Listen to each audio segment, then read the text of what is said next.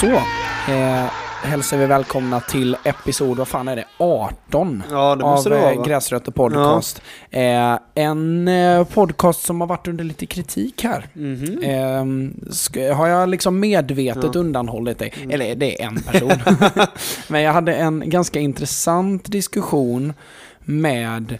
ehm, för i, det var ett gäng eh, följare och utomstående eh, som kanske lyssnade på det första gången eller sådär, som man inte kände igen sen innan, som reagerade på när vi rankade våra ligor. Ja, okej. Eller ja, vi rankade Det kan man alltid ha åsikter Ja, det såklart. jag. Det är klart det väcker känslor Ja. och är du... Jag kan tänka mig att de som följer ligor som inte är Premier League som, och som aktivt väljer att inte titta på Premier League för att de tycker att det finns någon kommersiell något kontroversiellt stigma, eller nej, eh, inte kontroversiellt. Eh, att det finns ett... Eh, liksom, det, det känns som att Premier League, det är som något... Eh, eh, vad ska man säga? Eh, något ekonomiskt monster som man inte vill mjölka liksom. Ja, eller som man med. inte vill tjäna, eh, få Ja. dem att tjäna på. Nej, exakt. Och den, den, ut, den är ganska utbredd. Framförallt bland liksom, de riktigt insatta. Liksom. Ehm, och då var det en kille på ehm, via eh, TikTok som eh, liksom började slakta mig då, eh, eller egentligen oss båda Ja. två om eh, att vi hade satt CDA tillsammans med eh, ligan. Ja, okej. Ehm, Men anled- Jag kan tänka mig också lite att om man hejar på ett lag i någon av ligorna, alltså mm, helhjärtat som inte är Premier League, typ Real, Milan, Juve, Mm. vad det nu kan vara. Då förstår jag att de vill ranka den ligan högre också i och med att deras lag är där och de kanske följer den lite mer och känner att de är lite mer insatta. Så Mm. det, det köper jag, men det... Ja, och ju mer vi diskuterade det här fram och tillbaka, han la fram argumentet till exempel då att Juve som har haft en ganska tung period i, ja men dryga två år, Ja. ehm, ändå lyckas slå ett eh, urformstarkt Chelsea i Champions League. Ja. Eh, och det, eh, det jag kom fram till är att jag tror att hela den diskussionen blir lite märklig för att jag tycker att vi kommer från olika håll här.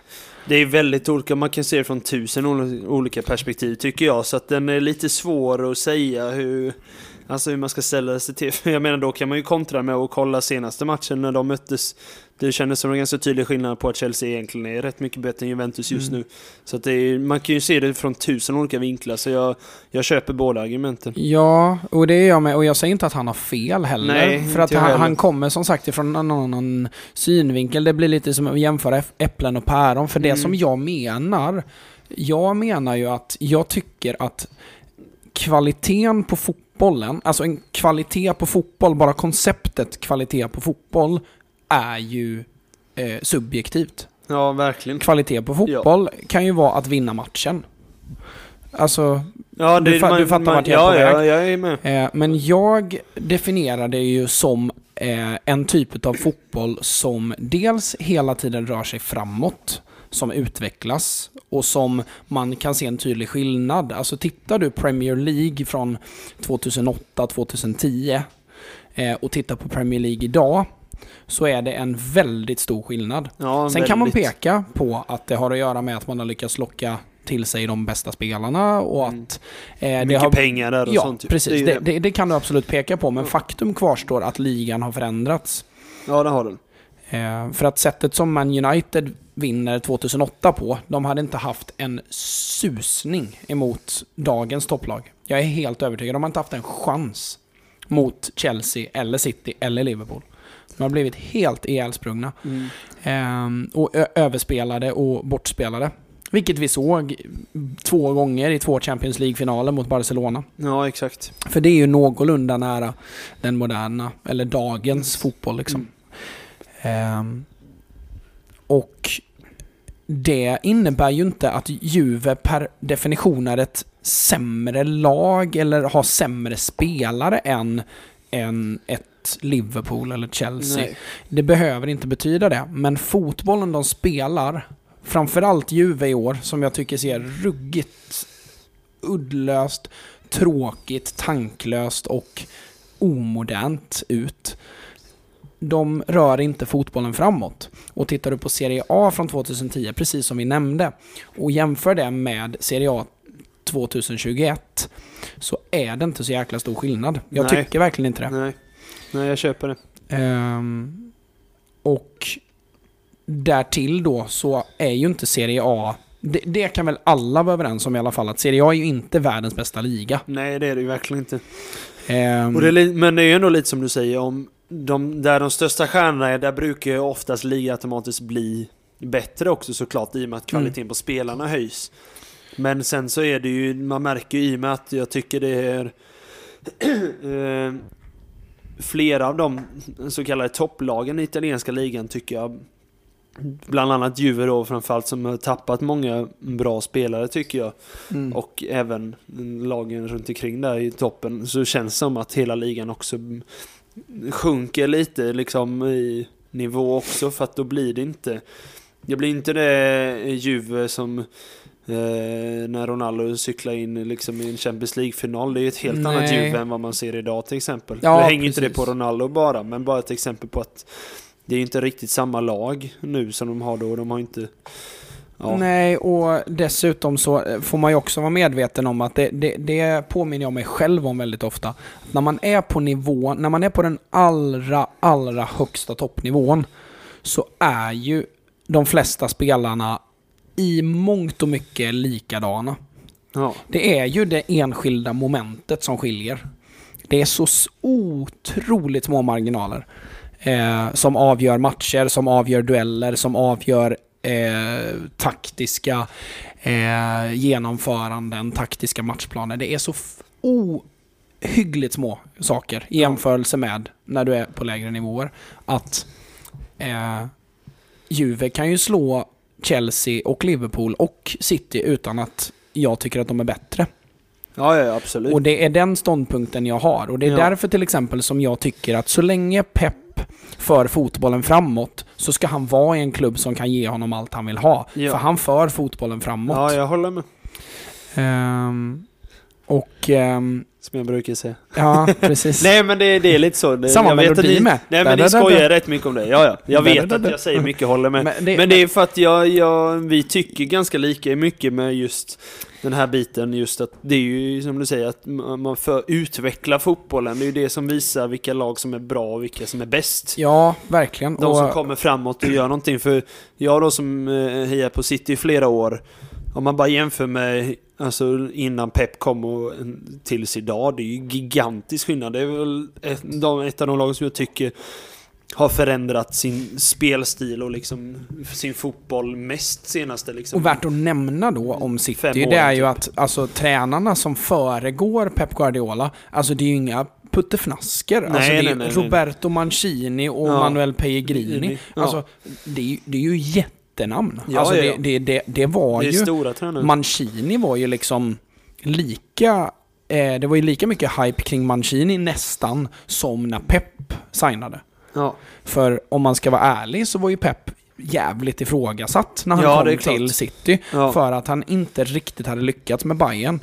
Både så tillvida att han inte hade vunnit en CL med dem, vilket man trodde, det tog man ju för givet. Han har ju vunnit två i Barca liksom. ja, man trodde det skulle komma per automatik. Ja, lite så att han Mm. var en sån tränare Ja. som bara vann CL. Ehm, och så gjorde han inte det och dessutom så gick han ju ganska rejält minus mot ärkerivalerna Dortmund i de individuella mötena. De vann ju ligan, men de hade det jättetufft mot Klopps Dortmund liksom. Så han var ju rätt ifrågasatt Ja. liksom. Och det, det är väldigt lätt att glömma bort och det är precis samma sak med Klopp. Han var otroligt ifrågasatt första en och en halv säsongen i Liverpool skulle jag säga. Mm. Där var det också mycket och han var arg i intervjuer och det, var, det kändes verkligen som en pressad tränare. Mm.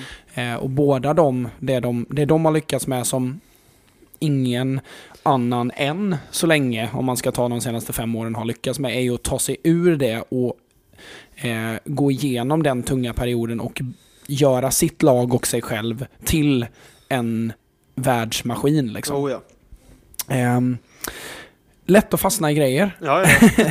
det Eh, gör vi alltid. Vi gav ju lite löften för två Ja. veckor sedan när du var med senast och det var Ja. ju att vi skulle ta ut våran favoritelva. Ja, Sen har vi en veckans lag också, men den tar vi sen tänker jag, precis innan fantasyhörnan. ja kan vi Ehm, men vi skulle plocka ut våran favoritelva genom alla tider och med Ja. favoriter så menar vi ju då alltså de som vi håller närmast om hjärtat. Ja, de liksom. vi tycker är liksom roligast att se eller Ja. bara tyckt om som Och spelare. helt historiskt liksom. Ja, alltså det, det kan vara från när man var åtta år gammal liksom. Ja, ja, ja. Eh, jag eh, ändrade ju en position precis när vi skulle börja räcka och jag kom Ja. på, åh fan, för vi började prata om Inter och jag Ja. bara, just det. Eh, så jag ändrade en i sista sekund, men jag tänker du dra din först, för min är åt Ja. alla jävla håll och kanter. Ja, min är ändå ganska...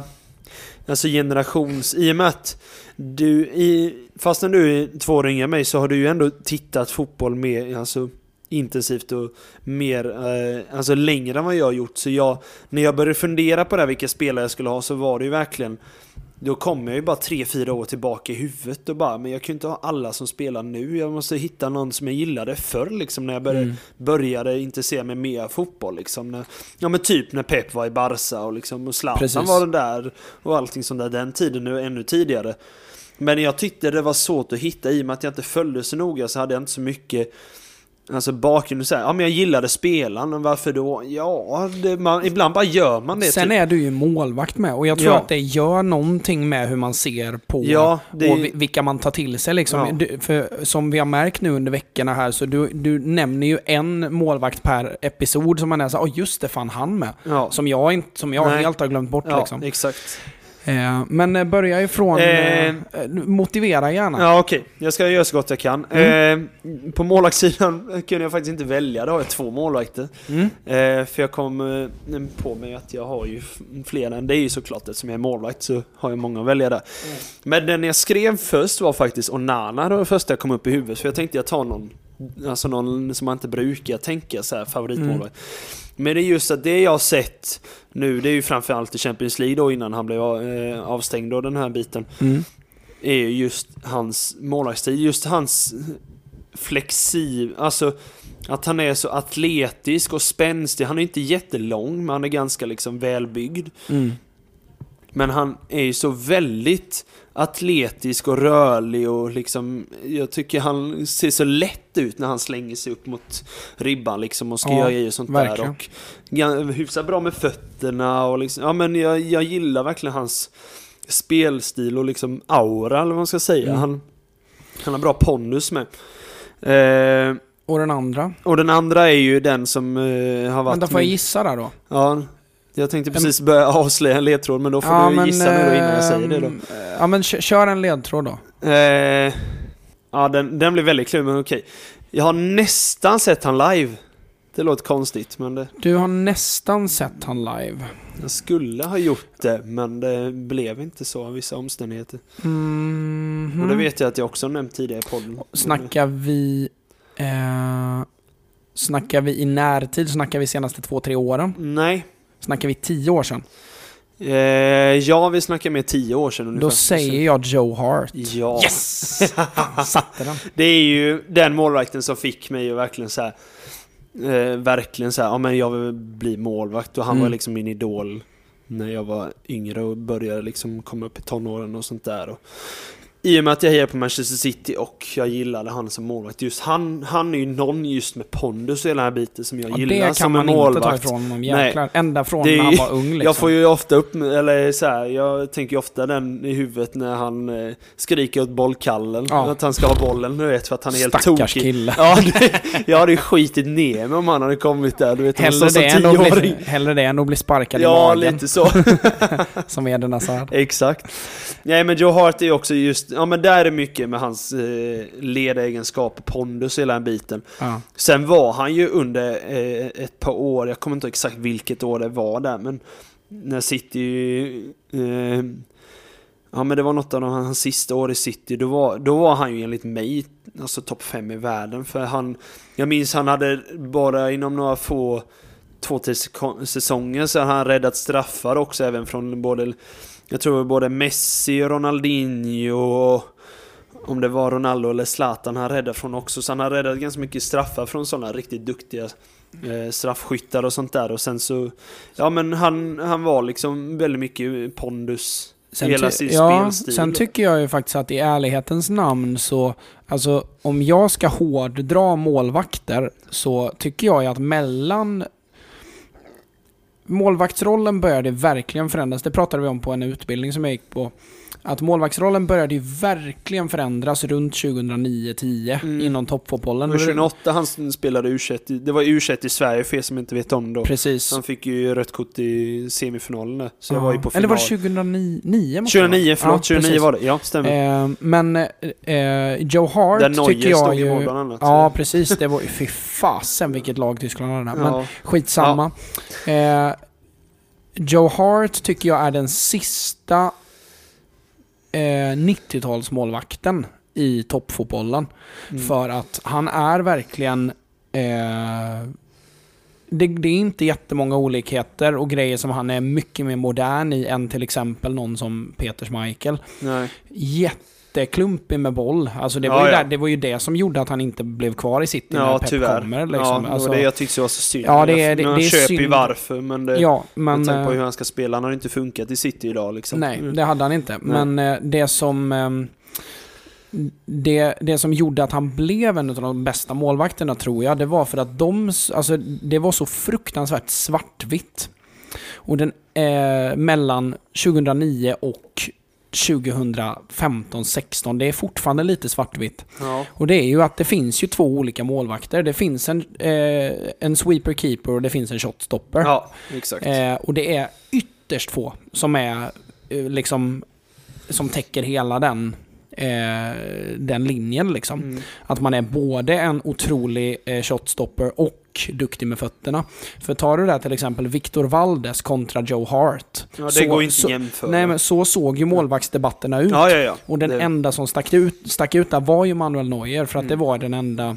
Så jag, jag tycker att Joe Hart kan absolut lämnas topp tre under den perioden. Framförallt Ja. när City vann första titeln 2012. Ja, Ja. 2012. Japp. Eh, där absolut, för då var Neuer inte riktigt bäst i världen än. Nej. Eh, var ju fortfarande ung som tusen och det var ju Joe Hart med. Ehm, men ehm, det som jag tror har gjort att han verkligen inte har stått sig över tid, det är just att han är den sista riktigt svartvita målvakten. Liksom.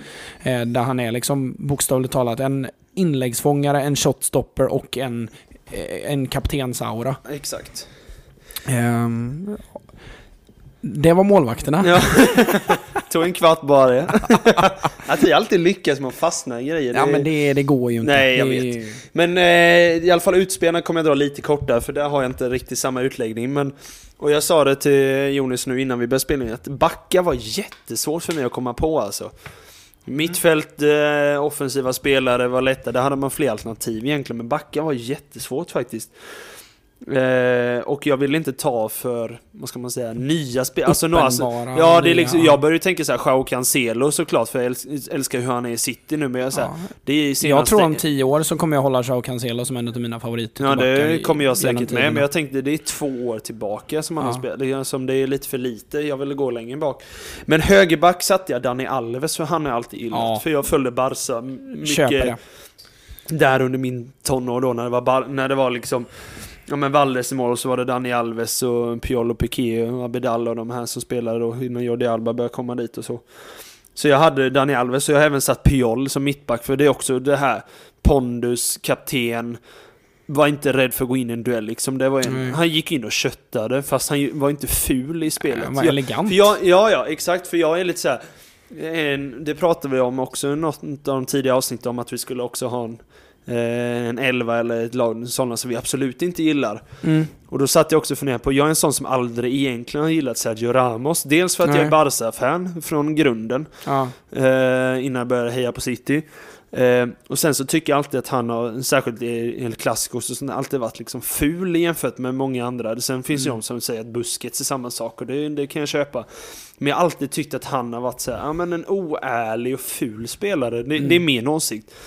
Eh, vilket gör att jag tycker att Piol är liksom raka motsatsen. Eh, Ja, är han. just den biten. Ja, han, han, han känns som en spelare man inte kan gilla. Man kan inte ogilla honom i alla fall. Nej, det, det, Om man inte det är är min pappas största, ja. eh, typ favoritkaraktär genom alla Ja, ja. tider. Han, Han- håller, han, säger, han Ja. kommenterade ju våran bild om Puyol där. Ja, Det gav väl lite om hur eh, han ser på Ja, Puyol. Han tycker exakt. det är en av de bästa genom tiderna ja, ja, och sånt. absolut. Han älskar honom liksom.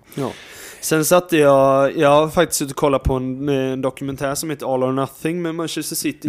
Mm. Eh, nu när jag varit sjuk i veckan här. Det kan, man, det kan jag rekommendera. Den är väldigt Alltså- intressant. Det är så intressant att se Pep in i omklädningsrummet. Jag har alltid Verkligen. velat veta. Mm. Och jag är väldigt, det är väldigt intressant och jag har kommit till några avsnitt men jag ska fortsätta och plöja igenom det för att... Ett eh, tips då Mm. till er som lyssnar, att Amazon Prime kostar ju typ en hundring i månaden. Ja. Eh, alltså så här. Om ni vet att ni har mycket ledig tid över, om, sä, säg att det är Eller ni är januari. sjuka en vecka. Ja, men, men, eller säg så här, ni har inte börjat eh, vinterträna än. Nej. Ni vet att ni kommer ha många eftermiddagar över i december, januari, I don't know.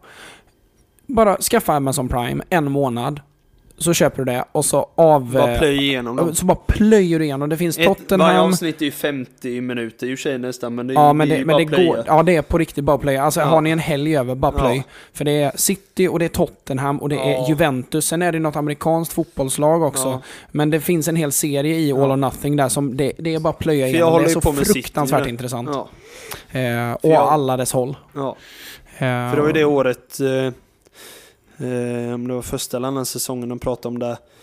Eh, som jag bland annat var och tittade på en av Citys matcher som jag pratat om tidigare. Ja, det var väl jag- man har lite- 2018? Ja, så jag har eh, lite, jag var ganska insatt i City just då så det är rätt intressant. Så man liksom känner igen matcherna som de pratar om och Mm. berättar om och sånt. Mm. Så det är rätt kul. Det är ju Och- ett klipp där som har gått viralt nu på TikTok har jag sett. Eh, Ja. och det är ju när eh, Pep eh, efter en, eh, om det är fa Cup-match eller någonting. Ja. Så han, har ju, han varnar ju då för eh, Crystal Palace. ja, det är hans eh, tränarkollega som har Ja, som Som har, har, scoutat. kommit, eller sagt tidigare i veckan att Håll koll på Crystal Palace för att de är, Mm. de är duktiga även om man tänker Mm. att det är ett sämre lag. För han var så här, underskatta inte dem.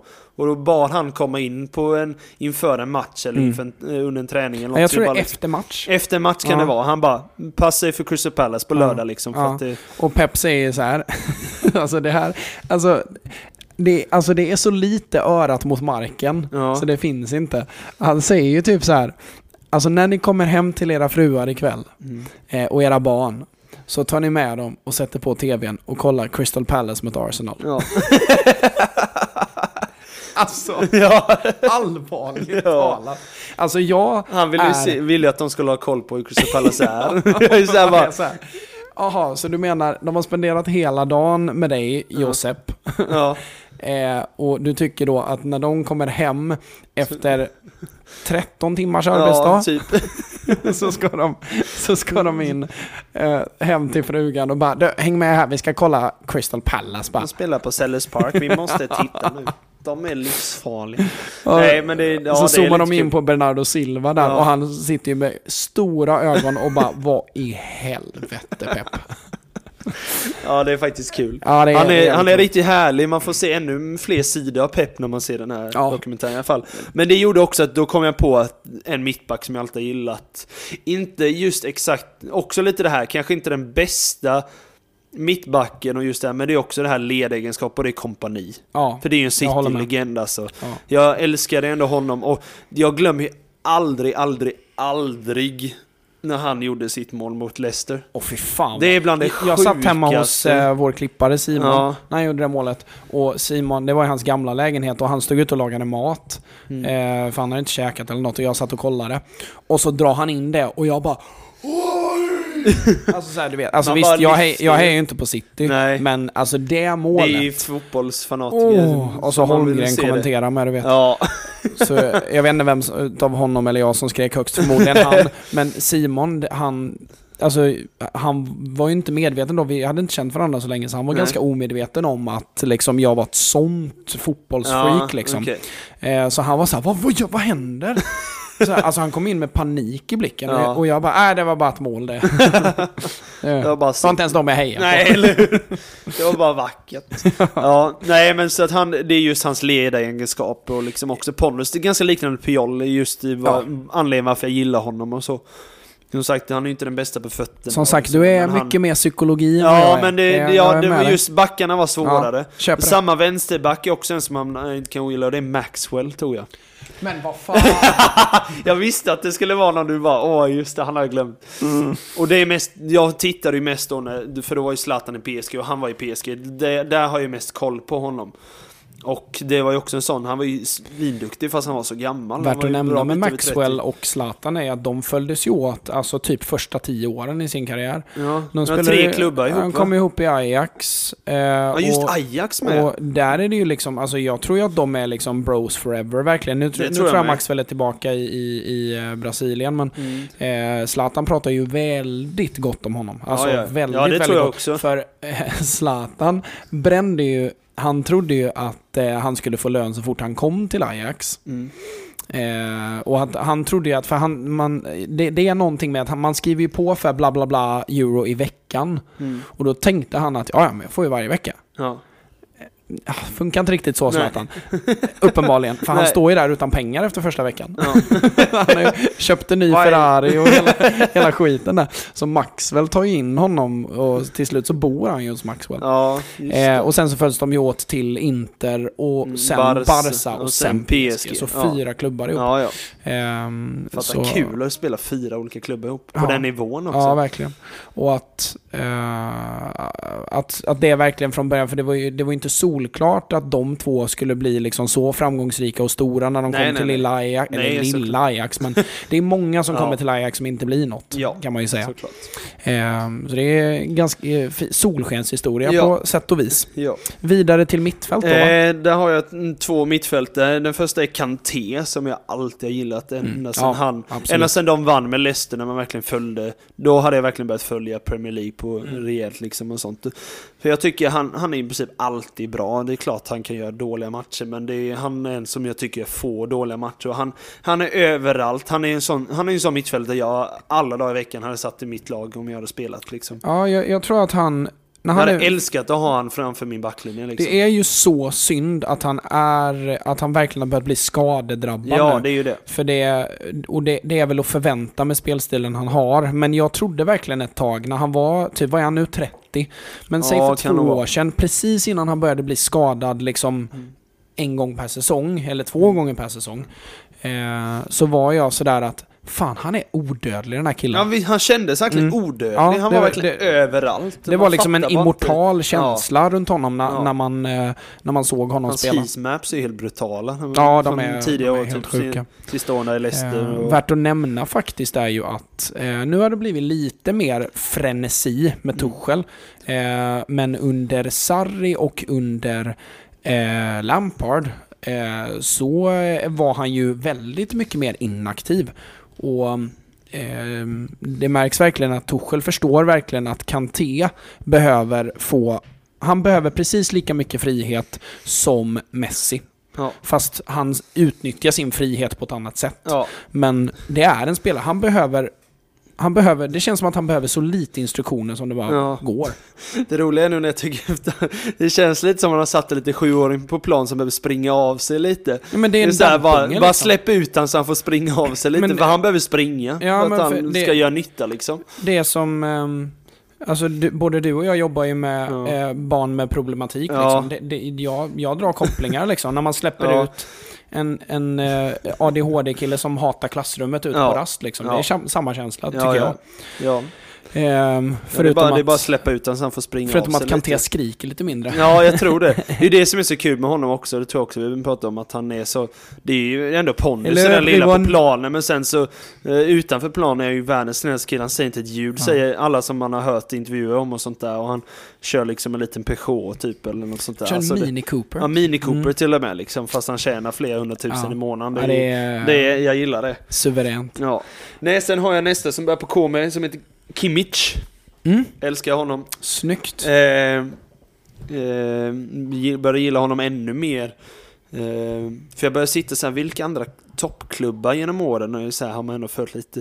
Så bara Borussia Dortmund har jag någon där, Bayern, just det, Bayern har lite, men vilka spelar ytterbackar där typ? Så jag bara, ja men Kim, ja i och för sig han är ju mittfältare nu och sen så när han, eh, just när han blev mittfältare så började jag Mm. upptäcka honom ännu mer och just hans spelförståelse och fötter och hela den här biten. Han är verkligen eh, Alltså, jag drar ju kopplingen till liksom Thiago och Xavi, de här just med hans blick och liksom bara, det känns som han bara har koll på hela planen liksom. Vad, Ja, vad alla är och vad han ska fördela bollar och sånt där. Han, Och jag tycker att han är lite annorlunda mot dem du drar kopplingar till. Alltså det finns givna kopplingar. Men Ja. det jag tycker att han, han har ju inte Thiagos första touch riktigt. nej, det har han inte kanske. men, hans positionering på planen är helt makalös alltså. Han, han står och rör sig på ett sätt som gör att hans första touch behöver inte vara som Thiagos. Nej. För att hans positionering och rörelsemönster, framförallt i uppbyggnadsfas, är det är skolbok alltså, Ja. jäklar. Ehm, så jag håller med dig, Ja. absolut. Eh, sen har vi tre offensiva har jag väl tagit och den första är också en gammal Barca-spelare, Ronaldinho var också en av dem man började titta på mest när man var liten just. Just det här lekfulla ute på gården och spela fotboll. Det var ju så han spelade liksom, eller klassiko. Det var ju så märkligt att se han, alltså med det, det leendet, det hästaleendet Ja, liksom. precis. Jag är nästan lite ledsen att han fixade sina tänder alltså. Ja, lite så. Det var lite, det var lite hans typ. Jag Det vet var, inte ifall du har eh, sett det har varit utomlands så finns det ju sådana som sitter och målar på gatan, Ja. ritar av folk Mm. och så ritar de, förstorar de ofta alltså ansiktsutdragen och sånt där. Karikatyrer. Exakt. Mm. Och han, man har ju sett många bilder på liksom Messi och Zlatan och de här och Ronaldinho Mm. har alltid så här två gigantiska framtänder. För att det är liksom, det är ju så typiskt honom. Men det är just hela hans Ja men stil just att det ser så lekfullt ut men Ja. ändå är han så bra och liksom Verkligen. gör det, han ser ju liksom inte nervös ut när han spelar, det känns avslappnat och gött när han spelar. Så Absolut. det gjorde ju att jag började gilla honom väldigt snabbt för att han Han var den han var på det sättet Han- förutom han att var- han var väldigt duktig liksom. Han, han var den första rockstjärnan på 00-talet. Ja, men lite så. Och, eh, fast det fanns ändå någon form av en Golo Kanté-känsla över honom, att det var så os os oskult. Liksom. Ja, alltså det, det var så skuldfritt. Ja. Eh, trots att hans liksom, kanske baksidor var mer likt Maradonas än vad man vill erkänna. Mm. Så på planen så var det verkligen guld och gröna skogar Ja, på ett sätt verkligen. som, som man inte ser någon annan, alltså varken förr Nej, eller jag kan senare. inte komma liksom. på någon nu som Ja har men det, det, det är ju liksom när man tittar på Garincha från gamla 50-talsklipp, men förutom det så nej, jag kan Nej. inte tänka på någon jag har blivit gladare av att se än Nej. Ronaldinho liksom. Och det är ända från när man var liten. Ja. Ehm, så där, där är jag med dig. Ja. Sen så är det, jag märker att det är ju mycket av de lagen de flesta spelar nu Ja, som är från de man har liksom haft närmast om hjärtat under sin uppväxt i alla fall. Och på andra sidan så har jag Messi såklart. Han är ju också en som jag alltid gillat för att Mm. jag började heja på Barca. Eh, Alltså heja heja. Jag tyckte om Barca mer Real sen Henke Larsson var där liksom. Ja, och just där var det ju verkligen en hysteri kring alltså Barcelona och Real de- Madrid. Ja, alltså, verkligen. för, för er som är liksom betydligt yngre än vad vi är, alltså när vi var i 10, 11, 12, 13 års åldern, Ja. alltså El, varje gång det var El Clasico, Det var ju alltså, minst ett rött kort per match och typ Ja, fem, sex gula. och det var, ju... Pep mot Mourinho. Mourinho var liksom, trots att han var ung så var han liksom, det, det var nytt mot gammalt och Ja. det var, båda coacherna var i sin absoluta peak. Alltså, Mm. Mourinho var ju nybakad trippel ehm, eh, medaljör, på säga, men Ja. trippel trofévinnare Ja. med Inter och Pep var den här jättetalangen och eh, alltså den, den hysterin det var kring El Clasico, alltså det, det, det var ju för fan, alltså Det är så tragiskt att se hur El Clasico är nu. Jag skiter i El Clasico Ja, just nu rent ut sagt. För jag, det, är så, det är ingen liksom, karaktär i det längre tycker inte nej jag. men det var, det det inga var verkligen, det var så här, som känns... det var Messi mot Ronaldo, det var Mm. Puyol mot Ramos, ja, det var Pepe var det också. Iniesta och Xavi mot Mm, Xabi Alonso och Mesut Özil. Ja, typ. Och Mesut Özil som då var liksom... Mm. eh, Outstanding. Ja, ja, verkligen outstanding. Ja, han var grym då. Ehm, och eh, sa. äh, det, det var... Har du sett den? His eyes are offside, his eyes are offside, Mesut Özil. Size Ja. offside. Fy fan vad gött. Ehm, det, är, det är rätt taskigt men det är jävligt Ja. taskigt, men det är Nej roligt. men Messi, där kan jag inte, behöver jag inte formulera Nej. så mycket. Det är Messi liksom, Ja. det vet alla. Sen offens, eh, den tredje av dem då är Kevin De Bruyne för att han, Mm. alltså det han har gjort i City och Alltså det, det är inte bara att han är City, alltså ärligt hade han varit i United, jag tror jag hade gillat han nästan lika mycket ändå. Ja. För just hans, han är bland de mest kompletta spelarna tycker jag Ja, i världen just nu absolut. på sin position. För just, alltså han, han är, inte, han är inte den snabbaste men han är ändå ganska snabb. Ja, snabbare snabb. än vad folk vill ge honom Ja, cred för. exakt. Absolut. Eh, och det märker man ofta i kontringar att han, när han får bollen och Sterling och de här ger av sig så det går ändå fort för honom att driva boll. Men just han är, han är inte jättelång men han är ändå liksom tillräckligt lång för att ändå kännas lite större. Hyfsat Ja. stark. Tvåfotad så det bara smäller om det. Och blick för spelet. Kanonskott, alltså det, det är frisparkar, det går, det går, jag kan inte komma på något som han är väldigt svag på. Alltså huvudet kanske inte är det bästa i världen på, men det, han är så komplett i så mycket Ja, och på så ja. hög nivå i så mycket. Och det är hans... Han, han gör allting med sånt tempo, just, eller alltså där, det, det där, är inte där, se, det är, det är inte där jag tempot. lägger fingret. Att allting sker eh, med 100% intention. Ja, ja. Vad ska hända? Hur och hur gör det? Det är det eh, med. Hur, vem, när, vad, varför, hur. Ja. Alltså det, det, det, Ja. allting Ja, eh, görs i högsta möjliga tempo. ja. Kolla en City-match någon gång och se hur många passningar som han slår som inte är med bredsida, utsida eller liksom en längre boll. Mm. Allting sker med en tanke och det ska ske så effektivt som det bara ja, går. med kvalitet Ja, hela tiden. Det är, liksom, det är Det är- inget trams och nonchalans utan det är Inte- bara... Jag har aldrig sett han klacka tror jag. Nej det tror inte jag heller. Alltså det skulle vara i boxen någonstans. Ja det är men, typ när de ska vägga sig igenom Ja. när det är trångt i ja, straffområdet. men, men, det är två är, gånger men per återigen, där karriär. är det med intention. Ja ja ja. Det är inte för att vara kul Showa, att slå en liksom. klack. Nej exakt. Eh, och det är just det pannbenet tycker jag också Ja. som gillar honom. Att han, han visar verkligen hjärta med och löper mycket och liksom... Ja men... Det är inte som Özil då, som Nej. vi pratade om precis, som bara kan stå och bara ah, Nu tappar vi bollen, nu får de kontra. Utan KDB springer ju hem liksom Och det är ju så himla, det, det är så roligt också att Kevin De Bruyne och Mesut Özil, där har du ju verkligen den största Alltså jag tycker ju att det är den största moderna utvecklingen, eller moderna senaste 5-6 årens utveckling utav den offensiva mittfältan. Ja. Att den offensiva mittfältan för 6-7 år sedan, det fanns fortfarande Mesut Özil- Özils kvar, alltså spelare som hade en heatmap på 10 kvadratmeter. ja. Eh, och idag så, det finns inte plats liksom. Nej. Det är helt Det omöjligt. Det, jag, jag tycker att när Hakan Çalhanoğlu får spela 10 ibland, som han får göra, då ser jag lite sådana Mm. tendenser. Men det finns en anledning till att han hamnar på en kant allt som oftast. För att det, man har inte råd med det centralt idag. Nej. Och där är ju Kevin De Bruyne den totala motpolen till Mesut Özil. Oh, ja. Hade du något mer eller var din elva Ja, nej, komplett det var forward med och det är Ja. ju också mm, den bästa eh, City-anfallaren. Alltså det är ju, i och med City så är det ju de jag håller närmast hjärtat. Ja, och det är ju såklart. Kun Agüero såklart. Ja. Han var ju en sån som man alltid... Man kunde alltid, nästan alltid lita på att han gjorde mål. Ja, det kändes och- lite så. Jag var alldeles såhär, startar Agüero så gör han ett mål nästan varje match. Nu har jag ingen statistik på detta, men min upplevelse av Agüero är att motståndet spelade fan ingen roll. Nej. Ibland gick han mållös av mot Man United och ibland gick han mållös av mot Crystal Palace. Ibland så dunkade han in hattrick mot Man United och ibland så dunkade han in hattrick mot Crystal Palace. Ja, det, det kändes verkligen verkligen som så. att motståndet spelade ingen roll. Nej. Eh, Han kunde göra mål på alla. Ja, det, det, det han behövde då var ju liksom... Han är ju en boxforward. Oh, ja, verkligen. Eh, vilket, vilket gör att han är ju beroende utav hur resten av laget spelar Ja. på ett annat sätt än en mer komplett forward. Det är som- det som märktes varför han inte blev kvar egentligen. För det fun Ja. funkade tyvärr inte riktigt med Nej, spelsättet men de samtidigt så var han så ändra. bra att Ja. alltså, han gjorde så mycket mål och var så effektiv att Pep liksom inte hade råd att bänka honom förrän, han, för den sista säsongen. Nej, liksom. exakt.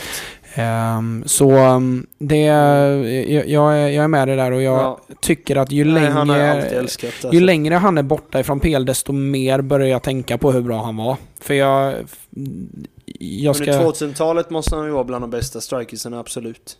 Ja, Alltså, eller ja, sen han kom typ i alla fall. skulle jag hålla med om i, Ja. idag. Ja. Eh, men jag tror inte jag tyckte så för ett år sedan. Nej, det kan jag. Eh, men jag, jag, jag ändrar, som sagt, Ja. som jag har sagt flera gånger, jag ändrar mig ofta. eh, Medgångssupporter. ja, precis. Ehm, men då går vi ja, över gå över till... på din, eh, så det är min.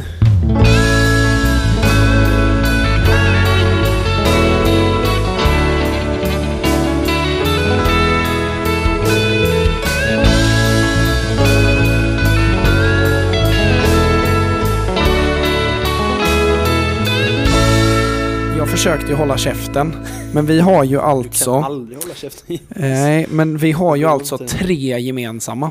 Ja men det är nog gött. Den är... Jag, jag, Det är jag, ändå kul för då är det ändå nära hjärtat. Alltså det är så roligt att du tänkte...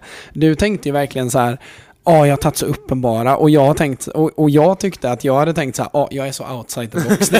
och så visade det sig bara att ja, eh, vi är Ja, samma skrot och korn. Eh, men jag har ju valt att sätta Onana i mål då och Ja. det är för att det var, alltså... jag det men- är något med han Det är alltså. något med han. Det är hans atleticism och Ja, hans... det är han. Jag håller ju Ter Stegen högt just i det atletiska och Oblak samma sak. Men Onana tycker jag på lite, han är på någon annan nivå. Jag har inte sett han lika mycket ska vi säga. Men det jag såg så nu då när Ajax var som allra bäst i Ja. Champions League och sånt där. Alltså det, jag blev ju helt kär i honom när jag såg matchen när han gjorde Mm. sina räddningar och allting sånt där. Det, det Ja, var bara någonting jag fastnade för med honom. Och jag tycker att han... ehm, eh, hans räddningar eh, är så atletiska att det ser ut som att det är liksom Galactic football. Mm, liksom. ja, det, det ser animerat ut Ja, när, han, så. när han gör sina räddningar. Och jag drog lite kopplingar till honom när jag såg Ramsdales eh, makalösa räddning där för någon vecka sedan. Att det, det, det var det närmsta Onana jag hade sett. Ja. Liksom. Att det är verkligen hyperatletiskt. Och eftersom att jag inte är super eh, expert på målvaktsdelen eh, så är det ju det som fångar mitt öga liksom. Ja, såklart. Men om vi tar backlinjen då, så har jag ju till vänster så har jag Marcel Schmelzer, Mm. Borussia Dortmund-legend ska han, sägas. han gillar jag med, men det var ingen som så fastnat. För jag funderade på honom också just för att jag brukar gilla många Borussia Dortmund-spelare faktiskt. Ja. Jag tycker de har rätt roliga och in- intressanta spelare. Det är spännande spelare som kommer Mm. fram där, det är, Ja. det är givet. Och Ja, Marcel Schmelzer var ju en sån spelare som jag, alltså jag tittade mycket Dortmund där i de sista fyra åren utav Klopps tid i Dortmund. Så var han, eh, så minns jag att jag så, Marcel Schmelzer var så här. Men fan, han var ju nyss uppe och slog inlägg och nu blockar han skott fem sekunder senare Ja. kändes det som ja, utanför eget straffområde. En sån jävla evighetsmaskin som inte egentligen hade några rejäla styrkor. Alltså, Nej. han var ganska snabb, eh, duktig i eh, man-man-försvar. Eh, men i annat fall, alltså han var en... ehm, Alltså teachers pet. Alltså han, gjorde, han, han följde matchplan. Mm. Han, och sådana spelare, om du tittar historiskt på jättemånga framgångsrika lag, så finns det alltid sådana spelare, framförallt i backlinjen. Det behövs en som bara följer boken. Marcel Schmelzer, eh, en annan back som vi kommer till lite senare. Eh, Costa Curta i Milan tidigt. Eh, Gary Neville i Manchester United. Abidal i Barcelona. Mm. Det behövs spelare som följer boken och där var Schmelzer en sån som jag bara blev kär i för han slutade aldrig att kämpa Mm. och gjorde alltid så som han blev tillsagd. Eh, och det var ju det som gjorde att han kunde ha en framgångsrik karriär för det är verkligen ingen spelare som liksom Sticker kan... inte ut egentligen. Nej, Ut- verkligen utöver inte. det. Nej, nej, nej. Mm. Och alltså, han, alltså hans spel med fötterna var ju inget att Nej. tala om. Alltså hade man satt honom i ett Barcelona vid den tiden hade han ju inte haft en susning i den frågan. Nej, nej, nej. Inte en chans. Nej. Ehm, så det, Ja. det är min... Men eh, jag hamnade ju vid att eh, det fick bli två vänsterbackar. Ja, men det Ehm, gör inget. Det, det men kan eh, vi kan ta back, eh, mittbackarna Backen. först där Ja. då. Och då, den första är ganska uppenbar för det är min favorit mittback genom alla tider och det är Björn Paulsen. Ja. Och eh, i Hammarby då. Och eh, det är väl den enda, ja en utav två som jag har med som, som är sådär att men det här är liksom inte så mycket att jag tycker att han är bäst för jämför honom med Rio Ferdinand så det är inte... Det, det, det, är inte samma liga så att nej, säga. nej, bokstavligt talat. Ja. Ehm, så, så nej, det är, ehm, det är bara känsla. Ja. Älskade Björn Paulsen när han kom till Hammarby runt 2018, 2019 där. Eh, 2018 framförallt. Mm. Eh, satan vad bra han var. Mm. Eh, och eh, gav ju lite hull och hår till Billborns ganska filosoferade tankar liksom. Mm. Och sen den andra mittbacken är Lucio Mm. eh, ifrån eh, framförallt Inter-tiden. Mm. Det, var, det var precis när jag verkligen började kolla, när jag började liksom titta runt omkring och man började kolla CL ordentligt. Mm. Ehm, och jag tyckte att eh, ja, men Lucio var en mittback som stod ut. Och jag kan inte riktigt sätta fingret på vad det var. Men det var som någon lite så här, elegant Sergio Ramos. Alltså en Mm. lite mer eh, välvårdad Sergio Ja, Ramos som liksom raka skallen istället för att låta håret växa. Liksom. Ja.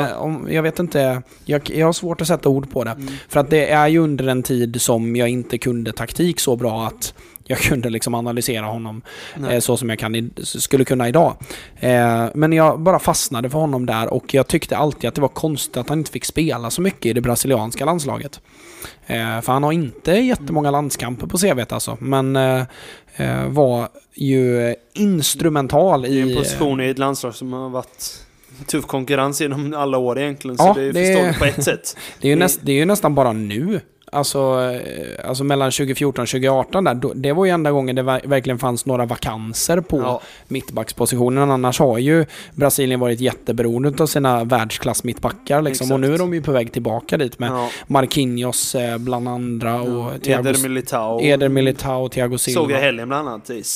Alltså riktigt bra är han. Han kommer också Fysmonster. bli en sån riktigt bra mittback alltså. Det tror jag med. Ehm, plus att han eh, också, eh, det jag har sett av Eder Militao då, kort bara, att eh, det är inte många grodor. Det, jag tycker Nej, inte att det det, är det, inte. känns inte os, Känns osäkert så som det är. för sin ålder och sånt där. Ja, verkligen. Är inte mer än 22 typ. Nej, exakt. Eh, Så det kan bli riktigt fin Ja. eh, mittback. Men till den andra ytterbacken då så är, blir det ju Maxwell då. Ja. Eh, och det var för att jag tycker att han... Eh, eh, jag tycker man kan dra lite små kopplingar mellan honom och om i, man jämför med i dagens fotboll, eh, Juan Bernat. Ja. Eh, jag tycker att de är Mm, ganska köper. lika på sätt och vis. Juan Bernat är än mer offensiv. Eh, och lite mer ehm, eh, flashig. Men eh, fortfarande en bortglömd och gravt underskattad ytterback, Juan Bernat ska sägas. Men Maxwell tycker jag är på riktigt alltså en av de mest underskattade spelarna under min livstid. Ja. Alltså generellt bara. Han var, alltså kolla på hans prisskåp liksom. Det, det han är har helt vunnit. Han var ju med och vann mycket med Zlatan såklart. ju. Ja. Så att det, kollar man, de har ganska liknande prisskåp. Och tittar man hur många matcher han har spelat med, du vet Zlatan var ju lite småskadad där andra säsongen i Inter och sådär. Maxwell, det är 38 matcher varje säsong. Ja. Vecka ut och vecka in ända till han slutar Mm. liksom. Eh, och um, jag minns ju framförallt när, eh, kommer du ihåg när Leven eh, Kurtzava började komma fram? Ja, han Eh, gjorde salut mot, eh, eller, precis. mot Guidetti och dem Exakt. U21-valet. Men ännu tidigare... Jag tänkte på honom faktiskt när jag skulle skriva vänsterbackar, för jag gillade honom när han kom fram Mm. i PSG från Monaco där. Men, eh, för då var han riktigt bra, men sen så var jag så nej jag håller inte så varmt om För han var ju en det- supertalang alltså. Han Han, skulle bli alltså. Jättebra, Ja. tyckte alla. Ja. Eh, och så kom han till PSG och man tänkte att ja, där har de trötte gamle Maxwell. Mm. Men se på tusan. Alltså du vet Maxwell, alltså Kurzawa fick inte en minut Nej. kändes det som. Nej. Då tittade man ju mycket PSG för att Zlatan var där. Mm, exakt. Eh, framförallt runt så här 2013-14 Mm. där. Alltså Maxwell var, det gick inte peta killen liksom. Och eh, framförallt då så tyckte jag att det var hans, ehm, hans, hans sätt att kompensera sin brist på fart. Ja. Han var fortfarande offen- en ganska offensiv mitt, ja, äh, han var inte ytterback, alls snabb. men var inte snabb. Eh, utan var teknisk och smart. Mm. Och ehm, var väldigt duktig i den direkta återerövringen. Jag tror att det, det är den enda anledningen till att han värvades till Barca överhuvudtaget. Mm. Att hans eh, spel i den direkta återerövringen och det snabba beslutsfattandet i pressspel var, måste varit det som var så här, men därför ska han spela i världens bästa lag. Mm. Ehm, med tanke på att man hade Dani Alves på andra sidan. Mm. Och en sjuk Abidal. Ehm, värt att nämna, för han hade ju cancer där då. Mm, under Två den. gånger fick Ja. han det. Ja, det är, Det är också tragisk in- historia. Ja. Men är väl idag i Barca, ja, jag tror han är någonstans någon sån sporting, bla bla Ja, bla bla bla. ja. Det är alla, alla gamla spelare Han är har ju ju berättat sådana. om det, om sitt nummer 22 också, att Mm. han fick cancer två gånger och andra tvåan betyder hur många gånger han har vunnit över Ja, cancer. precis. Ja, det är det också är mäktigt. Mäktigt. Väldigt mäktigt. Ehm, vidare till mitt mittfält då så är det väldigt basic om man ska vara lite tråkig. Men eh, det är Iniesta och Scholes. Ja, Eh, Iniesta håller jag lite det hade jag nästan kunnat tippa på faktiskt. Ja, nej men det... Xavi, Iniesta och en United-mittfältare, det var det Ja. jag tänkte att du skulle Men ha. Paul Scholes var ju liksom en sån mittfältare som fick upp ögonen för, eftersom att jag tittade så mycket United, du vet när man börjar kolla fotboll ordentligt så börjar man ju med att bara titta på lagen man hejar på. Såklart. Samma här, det är därför många mina också är från lag jag Precis. tittade på då. Och eh, med Scholes så var det den första spelaren man såg som var så här, men vänta nu, han är inte snabb, han är inte stark, han är eh, inte särskilt duktig i försvarsspelet. Men jäklar vilka passningar han slår. Det blir ju alltid lägen när han slår lång Mm. boll liksom. Och man började titta på det där och eh, Eh, det var en av de spelarna som fick upp ögon, som fick upp mina ögon för att det finns mittfältare som, som inte gör så mycket annat än att vara på rätt plats och ha en fin första touch och duktig i passningsspelet liksom. Ehm, och vad det kan betyda för ett lag liksom. Det känns lite som den betydelsen lite den jag tänker på, alltså nu går det inte alls att jämföra egentligen Men jag bara fick upp Johnny Shelby i huvudet Ja. Med, äh, det är Jag ju, fattar precis vad Ja du menar. men just för att han, det känns som han inte, han är inte bra på mycket och han är dum i huvudet Ja, det, Eh, men- För att han, ja han, han går in i situationer som man inte vet hur, han är helt Ja, i alla fall. Men det är just hans fötter är ju grymma ändå. Ja, verkligen. Det är, det är ju det som gör att han är kvar i PL. Ja, men han lite så. Det känns som att han har de, de fötterna gör att han ens håller elitnivå. Ja, ja verkligen. 100 Utöver det, procent. han är ju en League 2-spelare med en det typ. Ja, och, ja, verkligen. Ja. Och svag i försvarsspelet ja, men exakt. Han är ju... tanklös Ja, liksom, i verkligen. annat. Ja, ja. Jättefina fötter, jag håller med dig. Ja. Eh, och Iniesta håller jag lite högre än Xavi för Mm. att han var lite mer divers. Mm, Xavi hittade sin roll i en... Dels så tycker jag att Xavi lyfte verkligen när han fick spela ihop med Iniesta för att Iniesta var så mycket mer divers och var eh, mycket mer, mycket tryggare eh, än Xavi när det kom till att lösa de sista knutarna. Ja, och den att- sista tredjedelen Ja, liksom. Det känns som att han var mer offensiv än Xavi och Ja, var och, med in i den ehm, sista passningen till... ja, och var ju mycket mer benägen att röra sig inåt i boxen, vilket också gjorde att han under större delen av sin absoluta peak spelade rätt mycket ytter. Ja, Ehm, I både spanska landslaget och i Barcelona till exempel så avgör han ju VM-finalen som Ja. högerytter. Exakt. Ehm, eh, bara en sån sak. Men jag tror inte han, jag min, om jag minns det rätt så tror inte han startade som högerytter, men han blev högerytter efter bytena. Mm. Ehm, men ni får gärna rätta mig på det. Men så... så um, ehm, så är mitt mittfält. Sen så var jag tvungen att slänga in så här, alltså... Sen de här tre är ju ehm, både yttrar och fältare. Ja, alltså ja, lite så blandat. Men fara. jag håller Adel Tarabt. Oh, den var otippad. Minns du honom?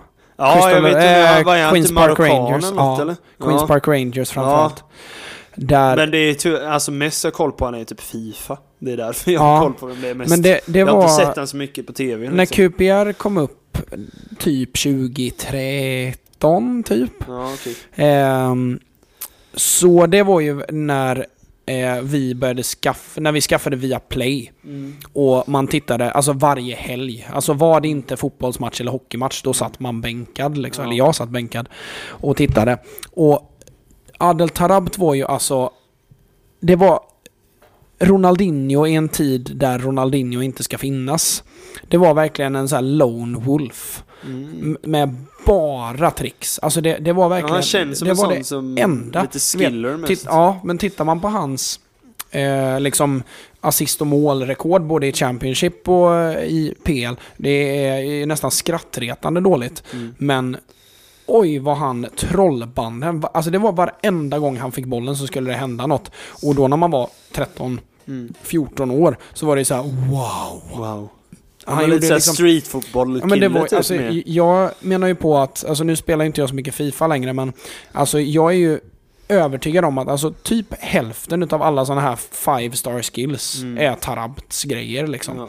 Den här, eh, han hade en sån, du vet när man eh, Eh, vi måste nästan visa visuellt när man, när man gör... Eh, jag kan till att vi, ja, jag kan, ja, men jag kan ta fram det sen och lägga upp på gräsrötter. Ja. Men den när man gör så, dang, dang. Ja. Alltså det är som en flip-flap fast du gör den bakom Ja. stödjefoten med klackar insi- bakom och ja, så lägger du tillbaka precis. Och sen framåt istället. igen. Ja. eh, Jag lägger upp ett klipp på ja, det. det är bättre. Så ni får det förklarat för er. Men en, typ Det en är sån bara, grej, det, det såg jag honom göra, det minns jag så tydligt. Det var typ mot Ja. Fulham, om jag minns Ja. det rätt. Som han bara drog fram en sån och det, blev, det var så klopp, Det klockrent som- klippt. För det de, känns som Ronaldinho-finten när han drar liksom, liksom höger-vänster fast Ja. du gör samma fast bakom ditt stödjeben Ja, typ. Fast precis. med hela foten istället för Ja. med tån bara som Ronaldinho gör. Exakt. Eh, och, Ni kommer fatta när ni kollar på Ja, Insta sen. Precis, så jag, jag ska försöka ta fram det klippet när Tarabt gör det också. Ehm, för det har jag ett väldigt tydligt minne av och jag var så här: wow. Och så var en av mina favoritpolare då, eh, favoritpolare, bästa polare. Men det var bara för, vi sa, det var för jag läste du är favoritelva nu. inte min favorit, du är Eh, min favorit.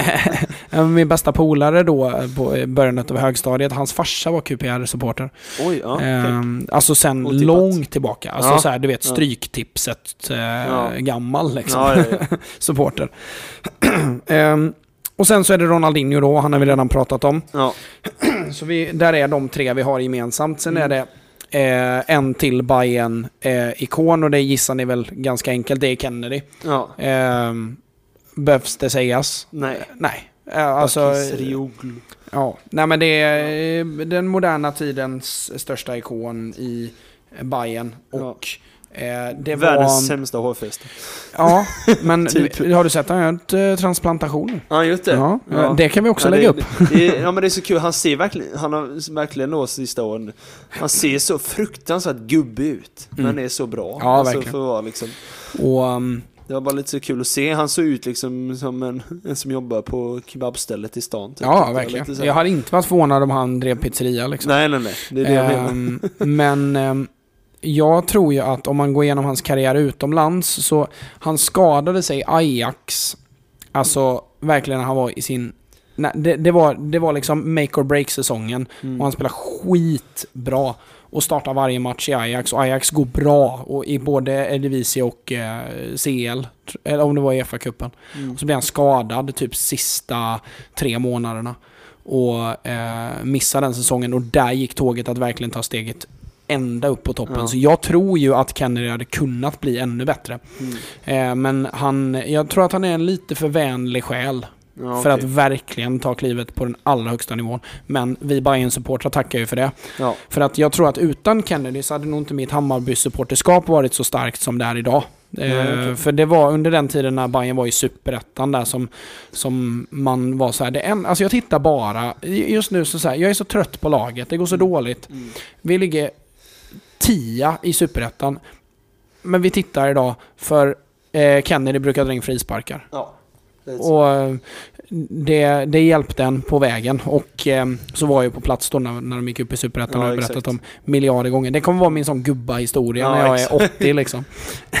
När jag var ung då såg jag Bayern gå upp i Allsvenskan. Ja, precis. Ja. Har flyttat till Stockholm och stat, äh, skaffat Söderkis äh, dialekt.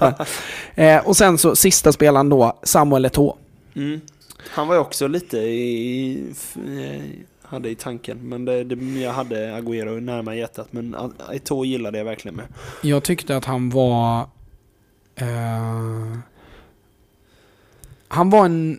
Alltså... När man tittade på alltså, de konstellationer utav Barca som han var med under. Mm. Eh, han var ju med ända ifrån liksom, eh, 2005-2006, alltså Ronaldinho-eran. Mm. Hela vägen upp till... ehm, ja, att han såldes till Inter då 2010. Ja. Eh, och, Det var då de vann va? Ja, Nej, precis. ja. Ja, Ja, visst. då de han, är ju trippelvinnare där. Och sen Mm, gick han ju till, till eh, Machatjkala, eller vad de heter, den här ryska olje... Så, Eh, Dagestan-klubben. ja. Eh, men eh, skitsamma. Ja, Eh, han var i alla konstellationer så var det sådana fixstjärnor. ja. Det var Zlatan och det var ehm, Det var ju Henri var ju där Henri och det var Messi och det var Ronaldinho och det var eh, yttrar och forwards då. som... Var inte det någon, eh, vad heter de? Bojan...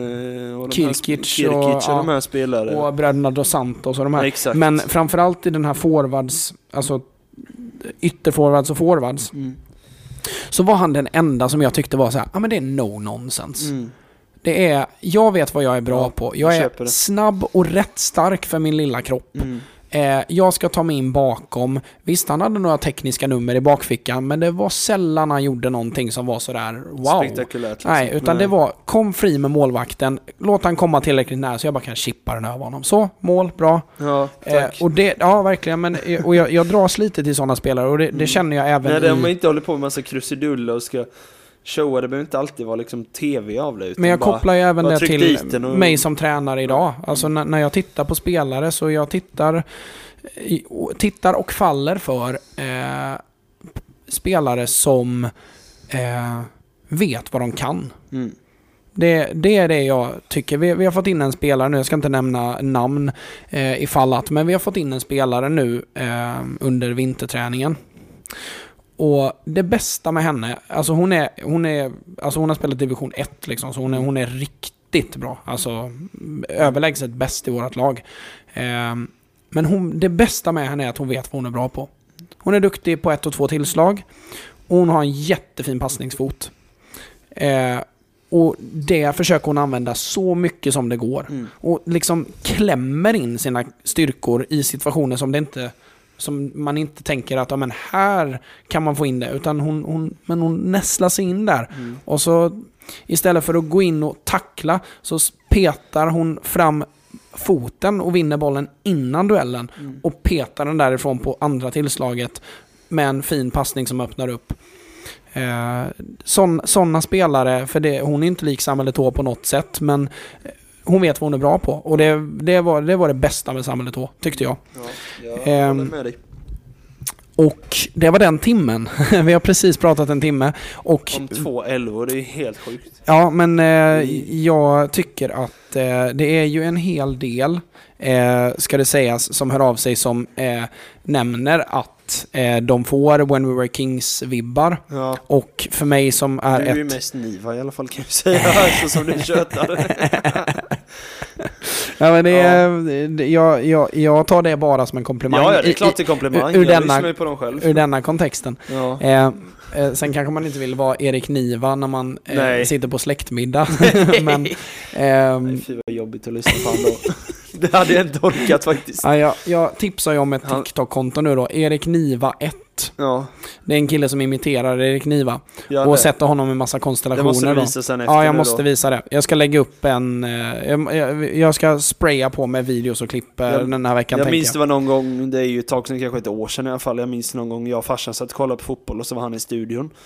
Och så gick morsan förbi och hon bara vad är det för dialekt han har? Alltså det gick Mm. inte att greppa vad han har för dialekt. Han har så konstig och betoning och grejer. Och Stockholmsinfluerad norrländska Ja liksom. men man, Ja. man hänger inte med vad han, vad är han ifrån typ så. Mm. Lite så hur han pratar för det aldrig hört något liknande hur någon pratar Nej, det, det håller jag med Men om. ändå är han så intressant att lyssna på i alla fall i men, podden. och han, är, han är jävligt säregen liksom. Ja, Det- så, verkligen. så, så är det ju. Ja. Ehm, men ehm, nog eh, om eh, det. Eh, vi tar eh, kort lite frågor för att Ja. jag vet att ni uppskattar det. Ja, Eh, det är bra och att det, trill, frågar det trillar in så många frågor att Ja. hade jag... ehm, Eh, hade, hade, vi kört, hade, ja, men hade vi kört ett avsnitt utan frågor så hade jag nästan känt mig lite illa till mods. Ja. Eh, men vi kan ta eh, en ehm, fråga eh, direkt här. Du kan rulla en jingel Simon. Eh,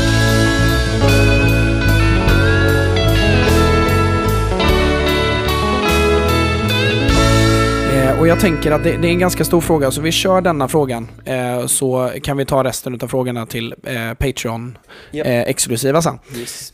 Och då frågar kan ni snacka om i nästa avsnitt om eran syn på dagens ganska reaktionära åsikter från fans? I nästan alla ligor är fansens, eh, fansen, speciellt på sociala medier, väldigt snabba på att totalt såga en tränare eller spelare efter en förlust. Men sedan vid vinst eh, skrivs det om att spelaren förtjänar Ballon d'Or och liknande. Vad tycker ni om detta beteende och kan det skada supporterkulturen i längden? Tack för en otroligt bra podd. Och Emil, du ska ha eh, tack. Det är en jättebra fråga. Och det det. Eh, jag vet, eh, eller alltså jag har ju hållit kontakt med den här människan i veckor och Mm. ehm, eh, det är en hängiven lyssnare och det var en otroligt bra fråga. Ja, jag håller med.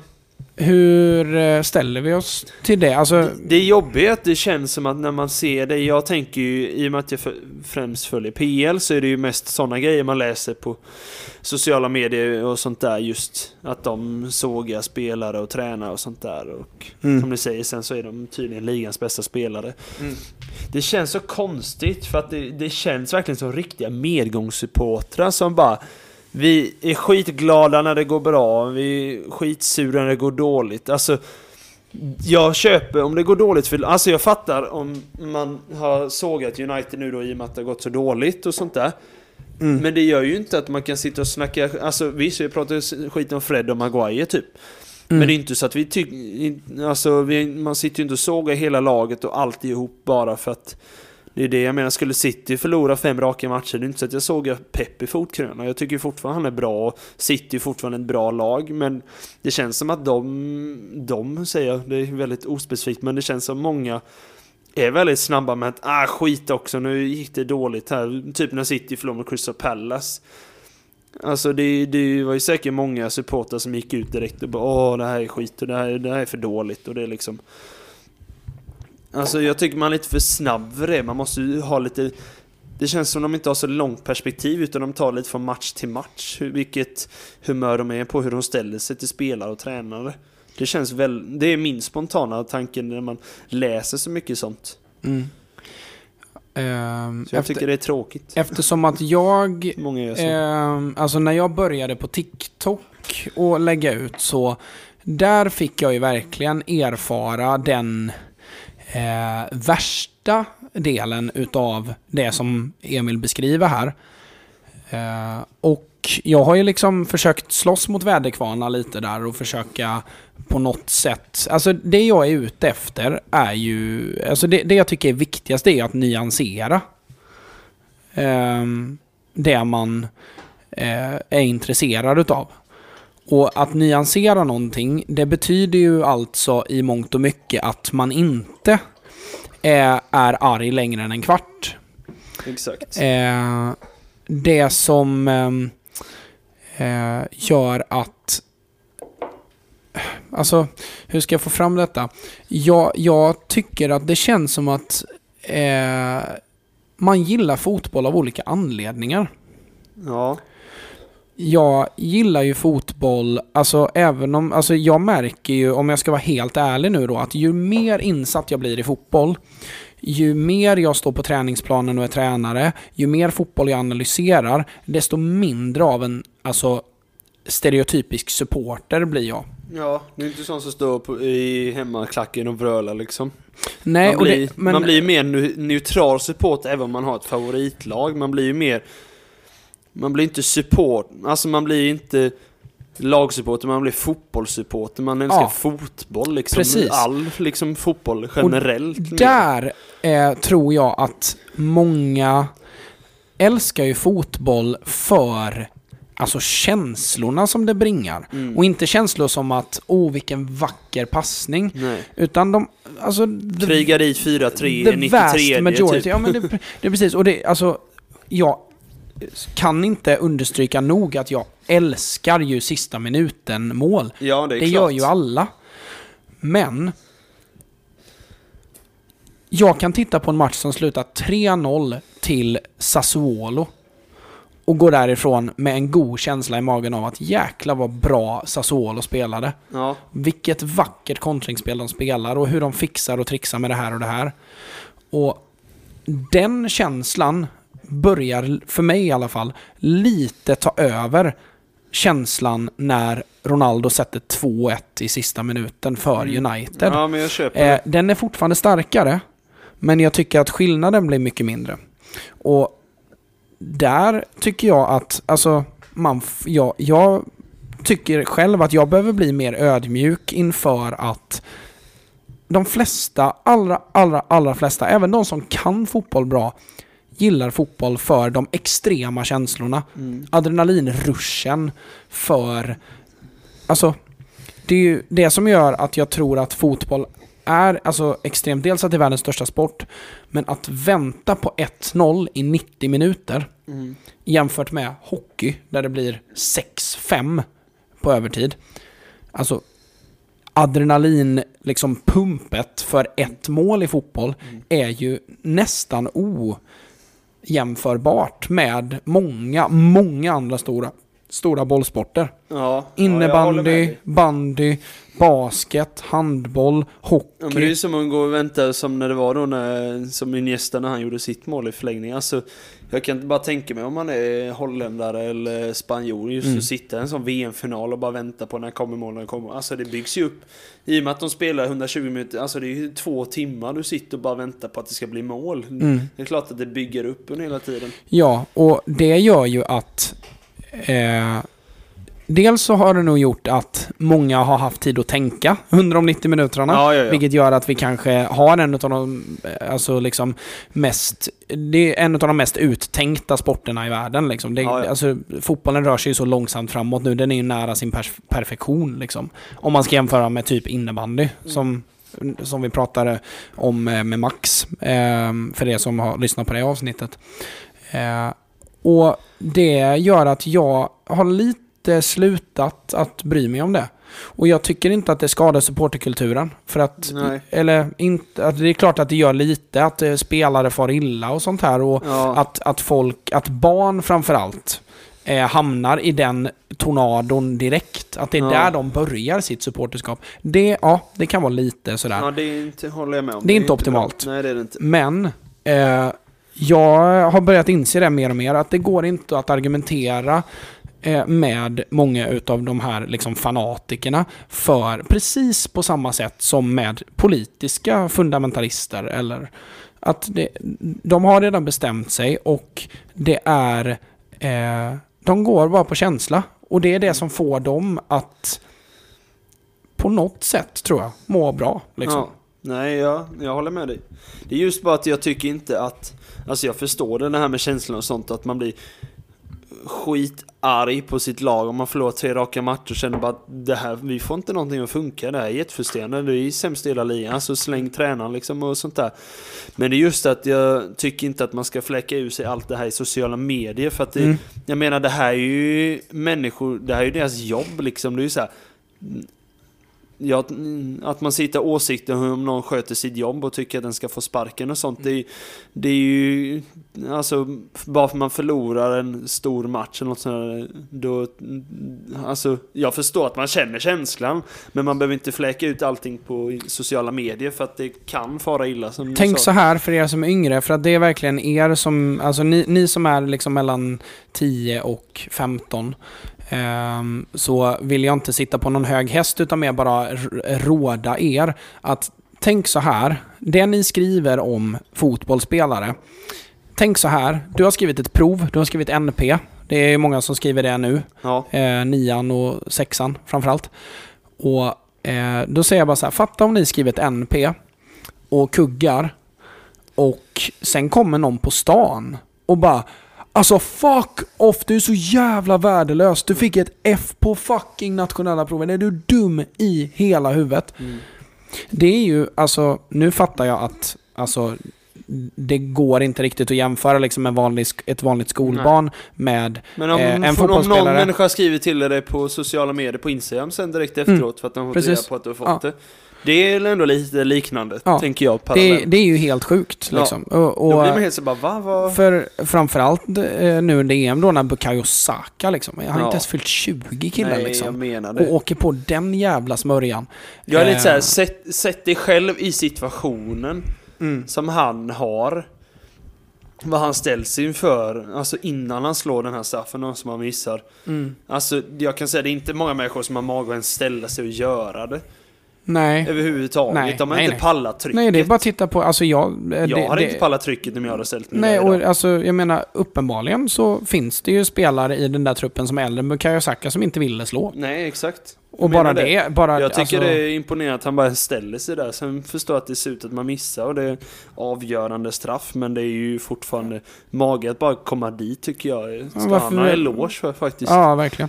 Men eh, det som... Eh, så, så där tycker jag så här att... Eh, precis som jag mässar om att man ska vara nyanserad och öppensinnad, så behöver jag bli mer öppensinnad inför att det finns folk här som tar det här på ett eh, allvar som inte jag gör. De tar det på, ett allvar, på allvar på ett annat sätt. Eh, men det som, när, om vi är kvar i supporterkulturen i en minut till, så vill jag bara säga att det, det som jag tycker är riktigt skadligt, det är när eh, man startar diskussioner i fotboll. För alltså i Sverige är det ändå ganska städat, men även i Sverige är det... För jag har pratat mycket fotboll med britter. Alltså i många olika konstellationer utomlands och det har varit utbytesstudenter och så. så. Britter, det går inte att diskutera fotboll med dem. Det är bara att titta på Arsenal Fan TV och titta på... Alltså jag gillar ju, vet du vilket The Kickoff är?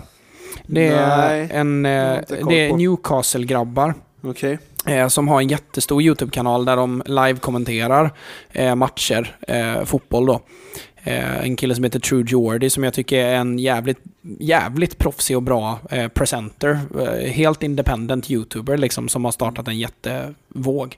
Eh, men där man lyssnar på deras grejer och bara, ah, men när, när det kommer till diskussioner, det är jätteintressant att höra deras, och det är jätteunderhållande att höra deras kommenta- eh, kommenteringar på matcher.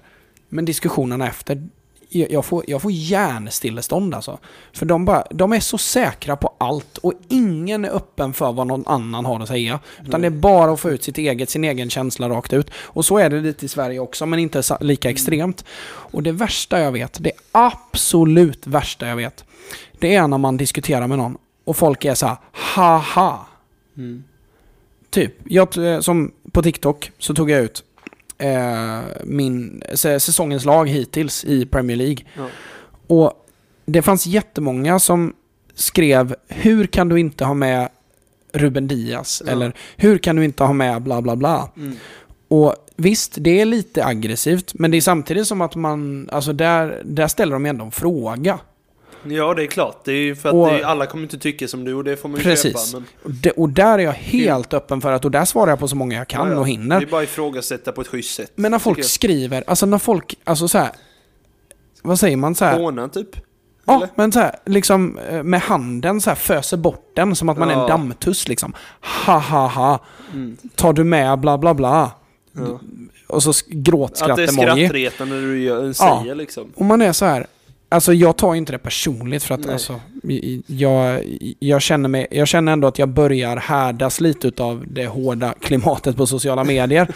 Men, Ja. eh, så jag tar inte åt mig överhuvudtaget. Men det är det värsta jag vet. När, när, folk, när folk är eh, hånande, Ja.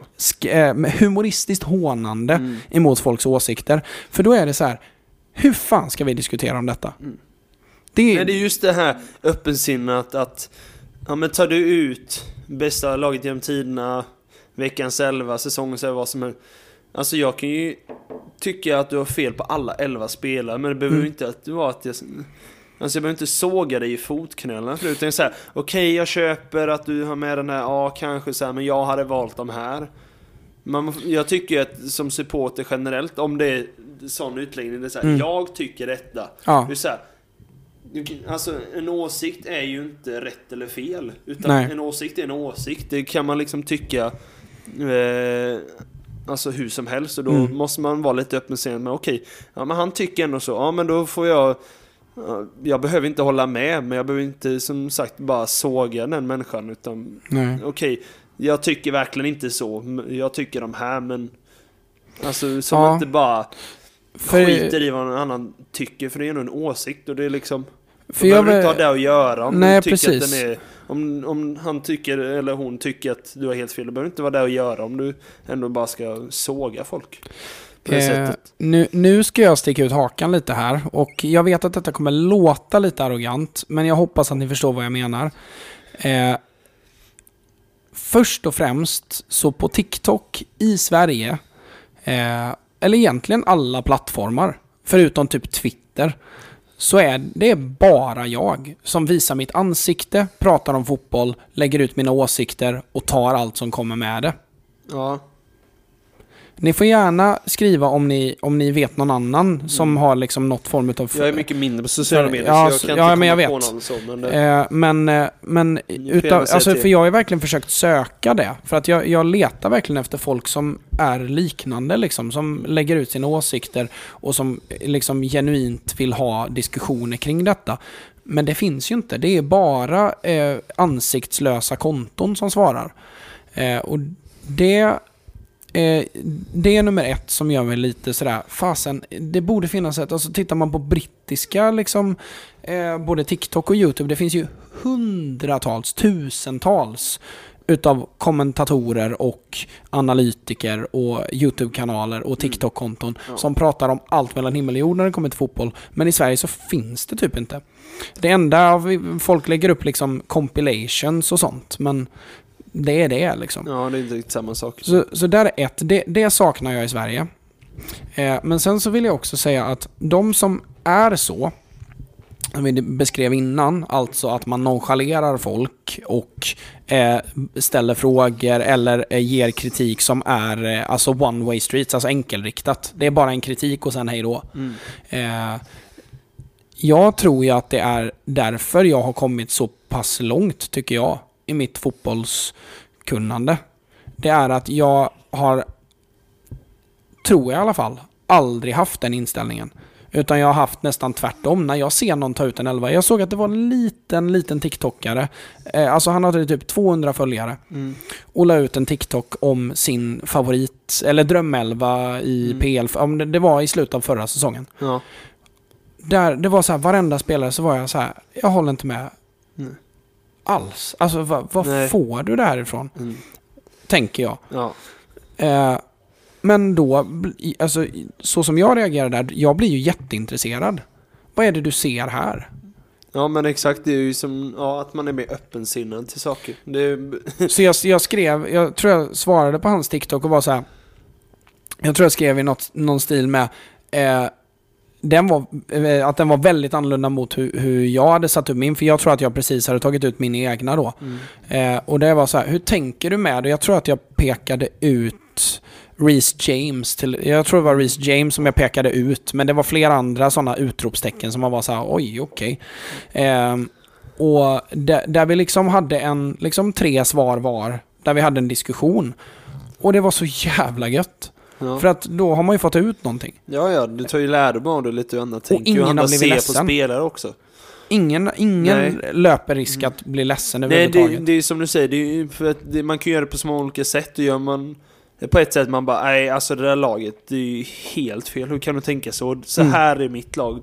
Mm. Fattar du hur du ska tänka? Mm. Det är ett sätt. Men om du, som du med gjorde då, att man bara, men För det Väl- de... Det är också, tycker kanske du, så, ja men väldigt konstigt lag, men Mm.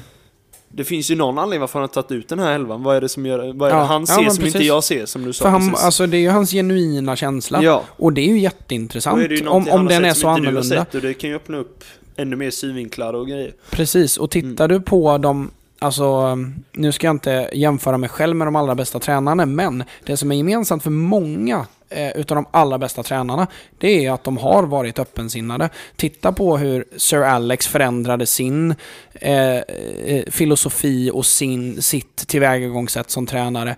Eh, minns till exempel eh, Jürgen Klopp Mm. eh, påverkades jättemycket utav när han mötte Ralf Rangnicks Hoffenheim. Och var så här: Wow! Kan man spela så här? De pressar ju ihjäl oss. Ja, det, det var ju han ju som inte. eh, lärde dem det här med gegenpressen. Sedermera så blev ju även Rangnick, alltså, alltså generellt en mentor för nästan. dem. Ja, för Men han det var- Nagelsmann och de här. Men det var den matchen som man var så här: åh helvete. Ja. Shit vad imponerande. Och det är ju den här öppensinnigheten. Och Ragnik har en exakt likadan historia. Och det är Dynamo Kiev 1980 bla bla bla 3 eller någonting. Mm. Som de mötte Dynamo Kiev. Och de spelade alltså en, en, för, en föregångare eller liksom en äldre variant och mindre modern variant utav det som senare blev gegenpress. De pressade över hela banan. Eh, och det är ju den här öppensinnigheten som tar fotbollen framåt och som gör att man utvecklas. Och det är oavsett om du är spelare, eller supporter, eller tränare, eller sportchef, eller direktör, vad det än är inom fotbollen. eller allt i hela livet. Är du öppensinnig så kommer du att ta dig framåt Ja. mycket snabbare än alla andra. Ehm, så det är väl e- ett, ett kort svar Väldigt kort. på eh, din fråga Emil. Eh, men tack så jättemycket för den och vi Ja, svarar väl på lite extra frågor i, vet du vad? Vi ska börja kalla det för det nu, sista kvarten. Sista kvarten. Mm. För vi har sagt sista kvarten hela tiden men aldrig riktigt. Öka takten Ja. sista. Men eh, jag tänker Ja. att eh, jag skickar till Simon ett ljudklipp med eh, öka takten sista sista kvarten, tida Ja, håll. håll. Eh, så går vi in i Patreon där. Ja. Ehm, så gör vi. Men jag tänker så här, vi har ju spelat in i 1.20 Mm. och eh, då tänker jag så här. Vi tar en match var som vi har sett Ja. och ehm, sen eh, Fantasyhörnan och sen är det tack och godnatt för de som inte är tar med Patreons. Team of the Week då i, i den med eller? Ja, jag tänker att ehm, du eh, började ju med Drömelvan. Så då tänker jag att jag börjar med matchen. Ja. Och jag såg, den jag såg mest ehm, med mest inlevelse, ska jag säga. Eh, jag hann se lite andra matcher också, eh, sådär. Men den jag såg med ett eh, riktigt fokuserat öga, det var West Ham-Chelsea. Mm. Jag såg också ganska mycket eh, inlevelse i den här matchen med. Jag var väldigt nyfiken på det här derbyt alltså. Ja, för att eh, dels så var jag sådär, när jag såg eh, Chelsea startuppställning så var det första jag tänkte att hur ska de orka med West Ham? Mm. Titta på eh, framförallt Chelseas centrala del av laget. Mm. Förutom Loftus Cheek, alltså det är ju sådana sojapojkar. Alltså det är ju Jorginho, Mount. Jorginho, Mount, Ziyech. Ja.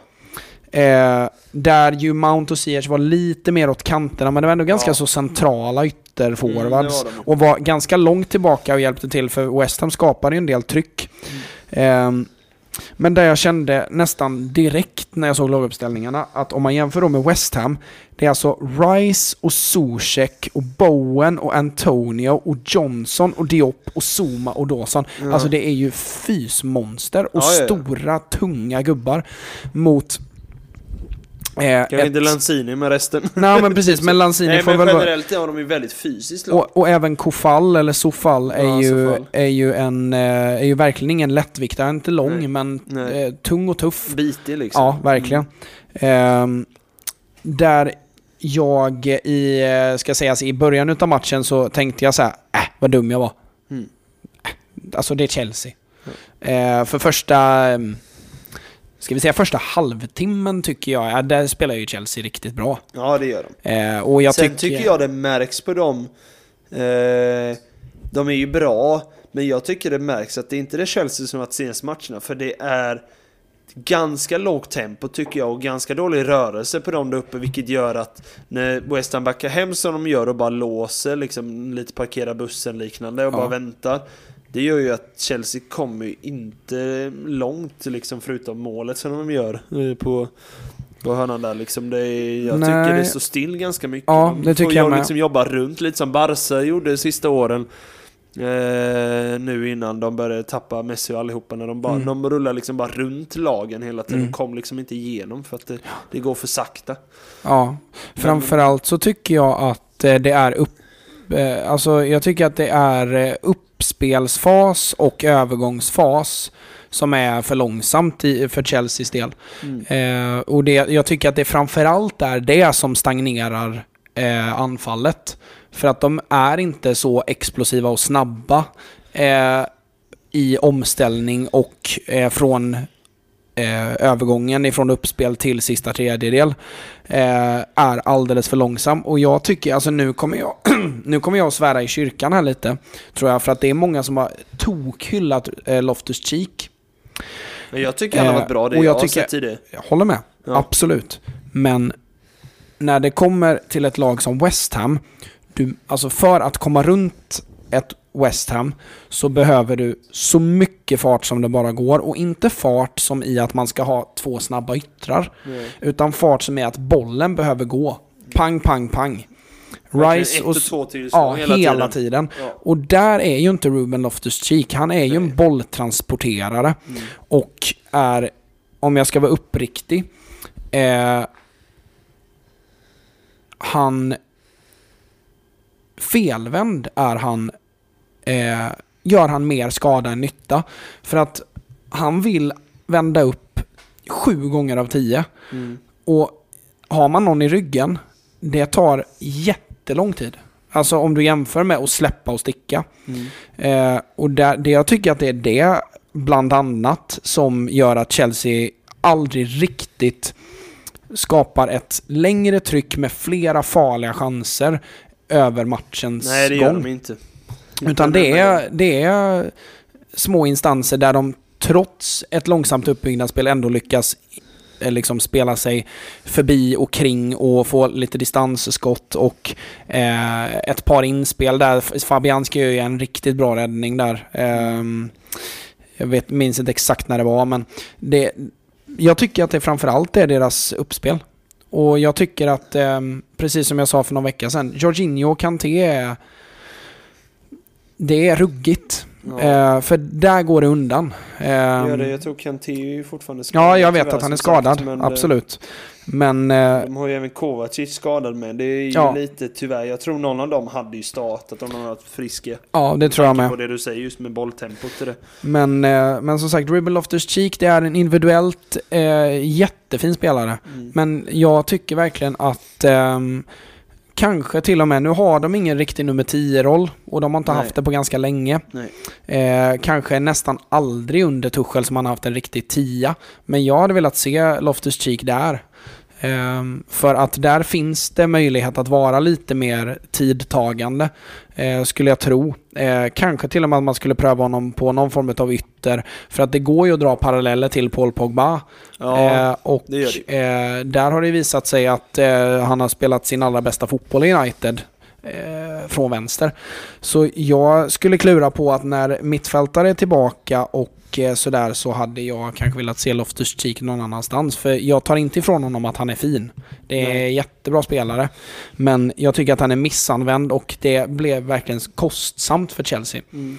Ehm, och det ställer mig frågan då. Hur fan har inte Saul fått spela än? Han har, han har knappt spelat en minut tror jag. Ska vi kolla det? Han har alltså hoppat in tre matcher. Ja. Det är det. Och han har inte, han har inte spelat CL och sånt heller va? nej, jag Knappt. tror inte det. Jag fattar ingenting. Så bra som han var i Atletico, ja. Nej, det, den, den värvningen är helt obegriplig. Jo, i, i CL har han spelat två matcher, hoppat in igen. Eller han, har, han har spelat två totalt och en av dem har han startat. Ja, okej då. Eh, men Det tog för lite men för vad jag Ja, trodde att han skulle få med tanke på den satsen han hade i Atletico. sen kan det vara en eh, Man vet omställning till PL och, Ja, och, ja. vi- och JD. Så, är- så, Ja. så kan det säkert vara. Ja. Men eh, jag tycker att faktum kvarstår att ehm, det är eh, jättemärkligt. Ja. Och med tanke på hur högt jag aktar Tuchel och vad han har gjort med många spelare som eh, under Lampard var ganska så förbisedda och bänkade och eh, startade hipp som happ och sådär. Så tycker jag ju att eh, det är märkligt att det har gått ett halvår. Liksom. ja, jag håller med. Ehm, Som alltid. och med tanke på problemen som jag beskriver här nu så borde ju Saul vara given Det känns där. ju som att han ska borde ju vara lösningen på problemet där. Ja, Det- men då är det en Tuchel ser något som inte vi ser. Men Ja, men eh, som sagt, det, det, blir, det blir ju väl, det blir ju verkligen en övervägningsgrej på ett helt annat sätt när du har ett tvåmanna mittfält. Eftersom att, precis som jag sa i början, med fysiken, så tror jag att Loftus-Cheek är där för just fysiken. Man Ja, vet att man möter har. Rice Ja, ja. och Zuzek och Bowen och. Antonio. Så det köper jag. Eh, så det är väl en avvägning där och det är lätt att vara klok i efterhand. Men eh, jag tror verkligen att ehm, ehm, Nej, Chelsea, ehm, eh, det, det, det är en eh, alltid- taktisk miss där tror Ja, jag, faktiskt. Sen har de lite oflyt med det. Jag Ja, sa det till farsan men just Jag sa det, de här målvakterna den här helgen har inte haft flyt alltså. Jag tycker, alltså vad ska man säga? Ni som har sett målen, ni vet. Första målet som eh, blir, som de släpper in, som blir straff då. Eh, den blir jag blandad. För det, först skyller jag på Jorginho för han gör bedrövlig. Han passar hem Både löst, sen tittar han inte för Bowen går mot Mendy så han slår en hemåtpass. Mm. Där Bowen är så pass nära så att han måste slå en stenåt om inte han ska hinna liksom ko- vara hota, hota liksom. Mm. Och Mendy vågar ju inte slå den på ett så han tar emot den. Och sen tänker jag, men rensa då. Då tar han en touch, en lång touch också i sidled. Vilket gör att på de två metrarna så är Bowen mycket snabbare än Mendy. Mendy tar ju liksom ett stort. Han är ju liksom elefant i jämförelse och Bowen tar liksom två, tre snabba och hinner för. Och det gör ju Mendy. Dels ser man ju på reprisen, han sparkar ju typ på sig själv och sen fäller Bowen för att han, han får inte ihop motoriken liksom. Och det är ju, det är ju det är en tavla tycker jag, för att man har ju varit med om det där innan just att man fått en forward mot sig som pressar och så Ja. kanske man vill göra en, en touch till eller liksom någonting sånt där istället för att bara slå väck den. Och det gör ju att eh, han sätter ju sig själv i skiten. Sen satte ju Jorginho honom i skiten från början men han kunde Mm. ha löst det på ett lättare sätt men han gjorde det bara värre. Och då, jag kände ju på mig direkt när det blev straff att straffen kommer han inte ta heller för det här Nej. är så psykisk grej. Ja, det. För jag, kan, jag, jag fattar precis, och det syns på menyn, jag fattar precis vad som försiggår i huvudet. Men jag måste också säga, det måste vara ännu värre också med all publik med och liksom han är, det är ju derby men det är fortfarande på bortaplan och hela Ja. Alla som håller på och skriker och de, Det är just det därför som gör att jag tror att det här 3-2 målet kommer lite det, Jag tror han lite hela matchen för det var en, en situation tidigare i matchen Där det kom ett eh, Jag kommer inte ihåg om det var ett inlägg eller vad det kan ha varit eh, Men bollen studsar liksom inne i målområdet en bit in Mm. i andra halvlek. Och men Ja, de, men de verkligen tvekar på att gå ut. Han har ju som pondus i vanliga fall. Så jag tänkte han bara gå upp och plocka, men han bara stannar kvar på linjen. Mm. Sen blir det att han studsar upp och är liksom längs med kortlinjen och då ska han liksom slå iväg den med en hand. Ja, men, de, I, men i här, kamp med Bowen eller Alltså, Tony lavett, jättekonstigt. typ. Ja, Ja. lavett typ. Och sen lyckas fånga den när den dimper ner på marken. Men det är så här. Man märker att han är passiv att något, det sitter något i huvudet på honom Mm. och jag fattar. Jag bara kände, alltså jag kände verkligen empati för honom för att jag har varit med om sådana situationer också Mm. där det bara, det bara sätter sig i huvudet. finns och det är ju en, svinjobbigt eh, och därför tror jag också, sen är ju Masuakos 3-2 mål, man ser ju, det ska ju vara ett inlägg. Ja, ja. Det, det måste det ju varit för att Ja. det syns på hur han, hur han vrider kropp och hela den biten. Men han får ju sån knuckleball alltså. Den är på väg en bit in. Den hade, hade bollen fortsatt kanske den gått mot bortre stolpen som närmast. Jag såg att de, prat, jag såg att så de pratade bara- i studion om att det, att det var en tabbe. Alltså, Det är det. Farsan skrev också till mig. Han bara, det är ju det. Jag, jag bara så här, tycker inte fast han bara, jo det är från 30 meter. Jag bara, jo jag köper det och det är från kanten, jag fattar. Men just att han måste stå så pass långt ut så han är redo för ett inlägg. Bollen går mot, alltså första två meterna går ju bollen som att den är på väg mot inlägg. Sen bara svänger den. Det går inte att förutse den bollen. och precis som jag gör, sagt. Jag tycker han gör det han kan för att han, Ja. han reagerar ganska snabbt och slänger sig men det, den tar så konstig bollbana och så oförutsägbar så att den är, den, det känns, det ser billigt ut men jag skulle inte säga att det är en sån tavla som alla liksom tänker. Nej, och precis som vi har pratat om med målvaktsspelet och som du har varit jävligt tydligt med att förvänta dig inte det oväntade. Nej exakt. det är precis som med kantfrisparkarna liksom. Ingen i hela världen Nej. som kunde förutse att den bollen skulle komma. Inte ens Masuako själv Nej, tänkte nej det. precis. Alltså man ser ju det på Man honom när han mål. Alltså, Han bara oj, hell. vilket mål jag gjorde. Jag skulle, jag skulle, ja men det var ju tanken, ett inlägg. Ja. Och det jag menar att, men det är också det jag fattat. Han, alltså som match, man mår ju skit. Dels först i en tabbe. Mm. Sen märks det då just tydligt tycker jag i den situationen då med den här den studsar in i målområdet. Att han är väldigt passiv och sen får det målet i slutet. Det, alltså, det blir så mycket fel och det, Mm. det är bara mental grej. För han är ju verkligen en av Premier Leagues bästa målvakter. Men Ja, en sån match, det bara sätter sig i huvudet och det är skitstörigt. Mm. Och, men det visar ju också att även alltså, de absolut bästa kan få sådana grejer att det bara Det är inte bara skaka av sig alltid. Det är jättesvårt ibland för det, det, det, är, bara, det är bara någonting som sätter sig. Sen i West Hams eh, favör då så ska ju sägas att eh, West Ham gör ju en De gör ju som på mot Liverpool nästa tycker Ja, jag. men de gör en jättebra insats. match. Och framförallt så är det ju att, alltså precis som jag har pratat om med Uniteds mittfält, att man behöver spetskvaliteter. Mm. Eh, och spetskvaliteter kan vara att man är duktig med boll eller att man är svår som fan att passera. Mm. allt däremellan. Alltså West Ham har ju verkligen, alltså tittar du på deras, de har en trebackslinje, eller en fembackslinje ska Ja. sägas, eh, med sina mest kompetenta defensiva spelare både som ytterbackar och som mittfältare. Därav Masuaku bänkad till exempel. Eh, och framför de två, eller de fem, Mm. så har du Zuzek och Rice. Det är verkligen parkera bussen känns det som. Men där, men där har man ju en tydlig matchplan. Ja. Att, eh, och jag tror att det är därför som Bowen och Antonio startar. Eh, för att eh, de, motpolen till att försvara så lågt och så tungt Mm. är ju att anfalla med den farten som de gör. Och Ja, det gör de såklart. ju genom eh, Kofall, genom Bowen, genom Antonio framförallt. Lanzini är med på ett hörn. Ja. Eh, men framförallt Bowen och Antonio, att de, de eh, motpolar sin tunga, tunga och i mångt och mycket ganska tröga backlinje med undantag för typ Zuma och Rice med eh, snabba, riviga eh, yttrar och forwards Mm. eh, som eh, är jobbiga att möta i, i, i en omställning. Eh, så jag, jag ska säga att eh, jag... Väldigt underhållande match. Särskilt Ja, verkligen. väldigt Ja, men jag satt ju liksom... Jag blev väldigt förvånad. Jag kände att ja, men jag tror nog Chelsea tar detta idag. Det kändes så bra som de har varit känns som att men de löser detta. Och fram till, fram till, eh, alltså till och med i halvtid så kände jag att det var Chelseas match att vinna ganska tydligt. Med tanke på att nu är det 2-1 precis innan paus med på ett väldigt Precis. fint mål av Mount Ja, med. Så uff, då, ja, det är vackert. det är riktigt bra mm, teknik alltså, att få in den på volley. Ja, det måste ju vara veckans mål va? Ja, det, det är Utav nästan- alla jag har sett. Ja, Eh, Det är ruggigt vackert. Eh, Så eh, det var det om det. ja. Har du någon match Ja, som du jag satt och såg? funderade lite nu under tiden vilken jag skulle ta. För jag satt ju, som sagt, jag var ju sjuk även i helgen och sambon har varit iväg och lite sånt där.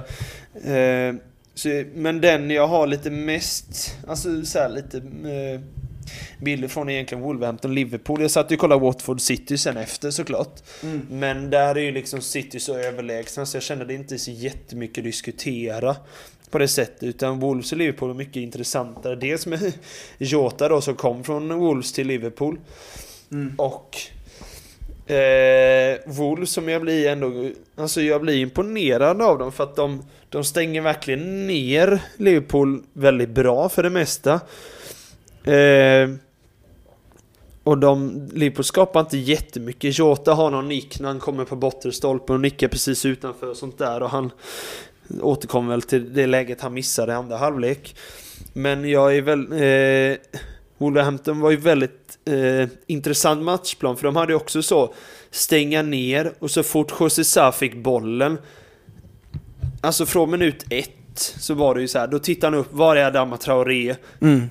Stick i hand och bara slå en djupledsboll och José Sa är ju, Jag har inte sett han allt för mycket Men han har ju väldigt bra fötter alltså Mm. för hans sån här slice-utsparkar som Ja. man kan kalla dem är ju, alltså någon sätter han ju verkligen i bröstet Mm. på Adama. Sen är ju de bröstmusklerna inte de minsta. Men Minns ju, ju jag att jag såg i U21-EM Ja. 2015. Ja. Alltså, för jag, jag hade nästan glömt bort det, men så kom jag på det, för jag såg ju Wolves förra veckan.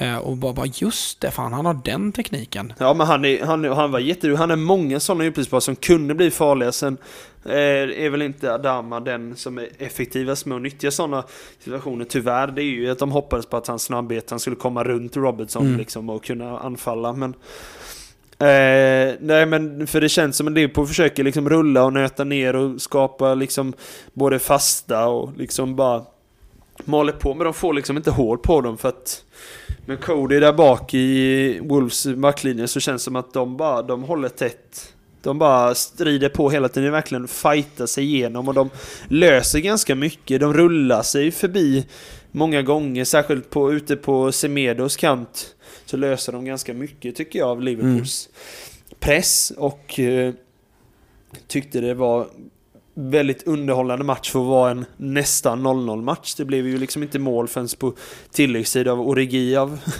alla då som är grym på det här och gör avgörande mål. Ja, verkligen. Men sen så är jag ju väldigt fundersam. Eh, jag satt ju och kollade lite ur eh, fantasyperspektiv med lite i och med att jag har flera Liverpool-spelare. Såklart. Bland annat Diogo Jota då. Och när det kommer den här situationen det kommer djupledsboll ute på Wolves vänsterkant i djupet. Jota går och eh, jag vet inte om det är Ait Nouri eller om det är Sai som tar en löpduell med honom och där är en grej som jag tycker José Sa gör helt fel. För han var jättebra hela matchen, men den situationen kunde kostat dem... Nu kostade de vinsten eh, i sena tillfällen, men där kunde det kostat det. För där är han långt utanför straffområdet, långt ut på kanten. Han ska inte vara där och göra. Och då ska han ut och försöka rensa. Han kommer liksom samtidigt som eh, eh Jota och eh, Wolfsbacken då och lyckas inte ens träffa bollen, vilket gör att av någon anledning så får till slut Jota med sig bollen och ju mm. Han har ju öppet mål. Första touchen han får med sig in i straffområdet har ju öppet mål. Av någon anledning skjuter han inte där, driver och tänker ja men det är ju smart, han kan ju då driva hela vägen in mot mål och då hinner Wolves få in två backar som hinner ställa sig på mållinjen. Han skjuter allt vad han har rätt i magen på Connor Cody. Han har ett helt mål att skjuta på. Han kan skjuta en lös bredsida vid stolpen när det varit mål. Man tar i allt vad han har. De kommentatorerna sa ju att han tyckte nästan synd om sina gamla medspelare så det var mm. därför han sköt så. Det tror inte jag såklart. Nej. Men eh, det känns väldigt märkligt att han tar ett sånt avslut. Skjuter allt vad han har mm. liksom i magen på en av mittbackarna. Han har hela målet att skjuta på i sånt läge. Eh, för sen så gör ju då José Sa, han är ju en, eh, en målvakt som jag inte sett så mycket än, men har hört är väldigt duktig från Porto då. Mm. Eh, gjorde någon jättevass räddning precis i slutet eh, som Mané hade något vänsterskott på som han var snabb på. Tyvärr så lyckades han inte hålla nollan för det var han nästan värd efter en sån här match för han var mm. riktigt bra tycker jag. Eh, men Liverpool vinner ju, alltså välförtjänt för Wolves har ju, de får ju inga lägen om de här kontringarna de försöker skapa. Det blir inte mm. mycket.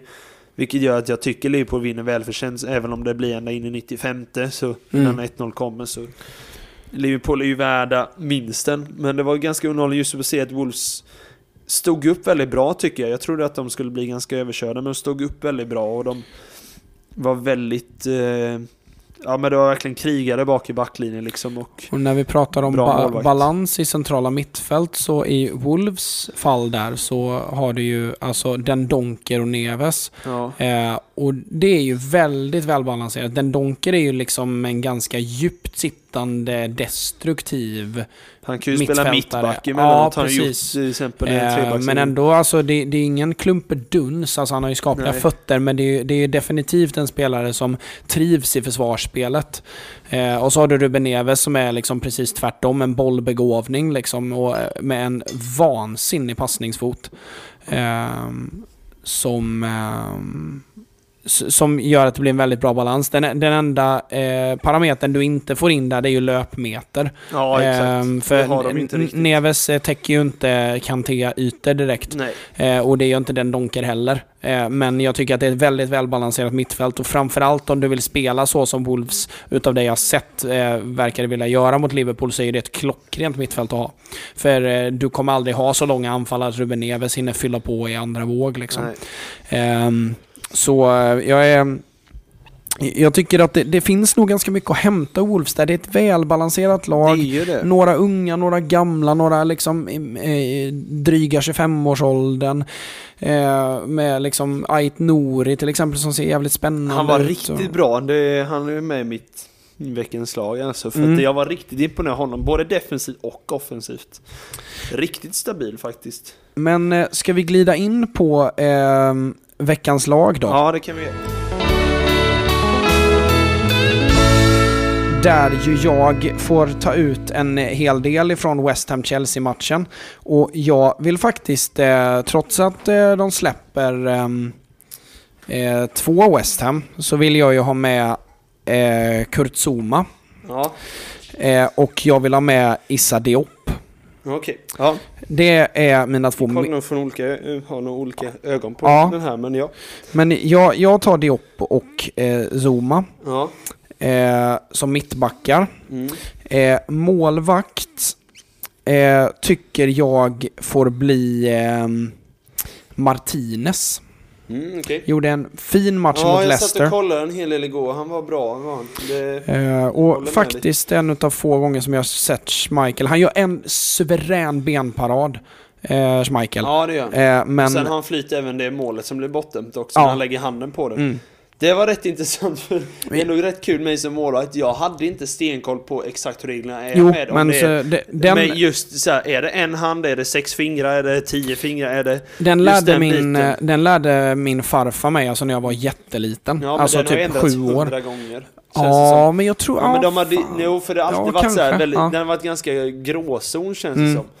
Men jag, att nu säger de ju att det, han ska ha den under kontroll. Jag skulle inte påstå att Schmeichel har den under kontroll under den hundradelen, utan det är ju att han har hela handen på han har hela handen på, bollen, har- ligger still. Ja, ligger still liksom. det, Men jag tror känns att det är det de tolkar som kontroll. Ja. Som att han har liksom kontroll över bollen på det sättet, men han har ju lagt hela handen på den och det är det jag tänker. Att har man en hand på den så har man den egentligen. Precis. Ja. Eh, ytterbackar Mm. eh, blir för mig eh, Regilon. Mm. Nu missade du den matchen så jag har tyvärr ingen Ja, men jag har sett en, eh, jag såg en hel del och jag tyckte Regilon såg jättefin ut. Men han gick ju ut rätt tidigt i första väl? Ja. Ja. Nej, inte i första. Vänta lite nu. Jo, han blev ju skadad, såg jag.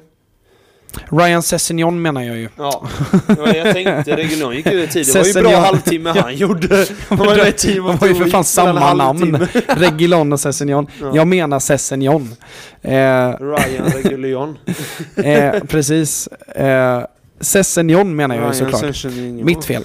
Ja. Ehm, som såg eh, ultrafin ut. Eh, och eh, högerback eh, tycker jag får bli eh, antingen Matti Cash eller Kofall. Okej. Jag säger Kofall. Ja, jag tyckte han var jättefin i Ja. försvarsspelet. Mittfältet, där tar vi det ifrån eh, eh, Villa. För John McGinn, jag tog ut honom i mitt eh, säsongens lag hittills. Eh, fan vad bra han är. Mm. Alltså shit vad bra han är. Eh, väldigt komplett. Eh, Och blir bara bättre och bättre. Och det är så kul att se att en spelare som är, vad kan han vara, 26-27? Ja, Börjar liksom- fall. Han, eh, han är ju verkligen en slow burner liksom. Han är på, han är, han har liksom stegrat hela karriären långsamt, långsamt, sakta men säkert säsong för säsong. Eh, och eh, så tycker jag att ehm, eh, Ndidi var viktig i Leicesters, eh, för jag tycker att det är en fråga om att Leicester faktiskt tappar den här matchen helt och hållet. Jag tycker att det är lite i underkant att det blir 2-1, för det är flera instanser i matchen där jag känner att ja, men här kan verkligen nästan vilja köra över dem. Mm. Eh, för de är otroligt effektiva i sina anfall, Ja. eh, Villa. ja, jag köper det. Ehm, och sen yttrar. Där... Sagt, det är inga tydliga den här veckan tycker jag jo, inte. jag har en tydlig. Bowen. Ja, Han, är också tydlig. med ska jag avslöja. Eh, ja. Och Han var riktigt bra. sen en till eh, han ytter. som- Jo, eh, självklart. Harvey Barnes. Såg du hans mål eller? Ja, ja, ja. Alltså... Smart mål, skulle jag säga. Otro... det är fint men det känns, smart. känns löjligt lugnt. Ja, det, Alltså- vi ser det väldigt lugnt ut. Ja, det, det var sådär... Jag tänkte, jag fick eh, om det var förra omgången eller omgången innan, där Shea Adams gjorde så mot Norwich. Mm. Han har typ två gubbar i ryggen som sliter i hans affär, han bara placerar vid Mm. stolpen. Ja, det är iskallt. Han bara liksom typ föser in den nästan, det ser så lugnt ut. Ja, verkligen. Men det är smart, eh, smart mål att skjuta precis när eh, är det Konsa som tar ett kliv precis. Tror jag nu, så han sätter tunnel och i bortre. Ja, precis. Ja. Och sen så eh, slänger jag in, eh, jag ska säga att jag såg ungefär bara eh, typ 50 minuter utav Watford City. Eh, men eh, Sterling tyckte jag var ja, han var fin. riktigt fin den matchen. Eh, och kul att se att han börjar ta sig ur den här lilla svackan och bänkningen. Mm. Och har ju pytsat in ett par strutar nu senaste veckorna. Eh, så Sterling och sen så vill jag slänga in Bernardo Silva där Ja. också. Så det blir två Han var det icke-forwards. första jag skrev upp. Ja. ja, men Bernardo Han är- Silva han är är, så fin, jag älskar honom. Är ruggigt. Han- Alltså ärligt nu, det är här inte bara för att jag sitter supporter men han eh, Han och Salah tycker jag är ligans två bästa spelare just nu. Ja, jag Tycker är jag. um, offensiva, absolut. Ja, Absolut, det håller är med. som sagt, man kan inte jämföra honom och Ramsdale liksom. Men det är ju eh, Det är de två bästa tycker jag just nu. De Ja, är jag är, jag är helt med underbara att titta på. Ja, framförallt Bernardo Silva just Ja. nu är jag sådär oj, oj, ja. oj vad vackert Ja. att titta på.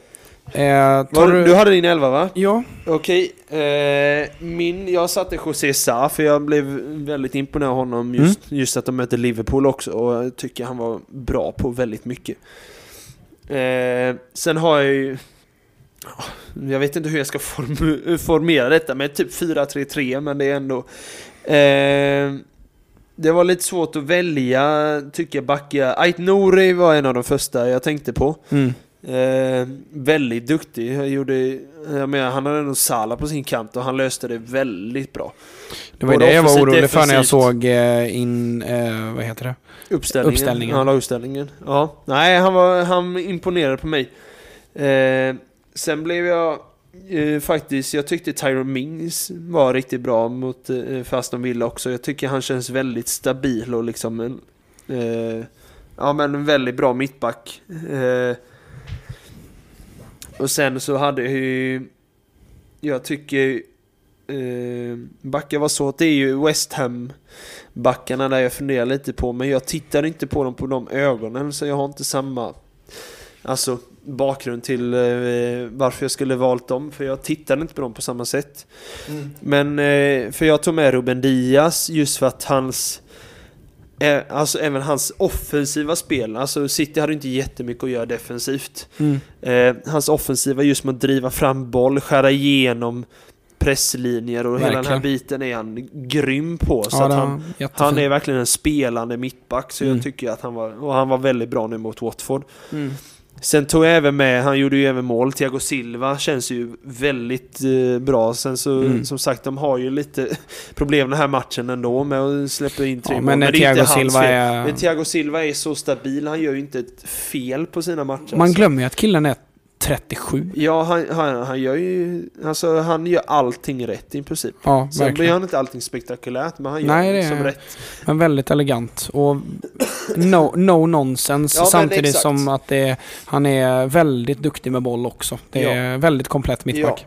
Eh, och sen mittfältet, Declan Rice eh, tyckte jag såg ännu bättre ut. Jag har sett Mm. han i West Ham en hel del den här säsongen faktiskt. Men den här matchen tyckte jag var riktigt bra. Det är verkligen en stabil mittfältare.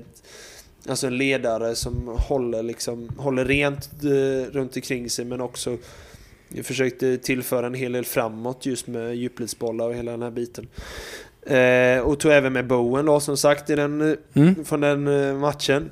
Och jag funderade på någon av eh, Aston Villa mittfälten. Jag, funderade, även- jag tyckte även han Jacob Ramsey som nästan gjorde två mål var också jättebra.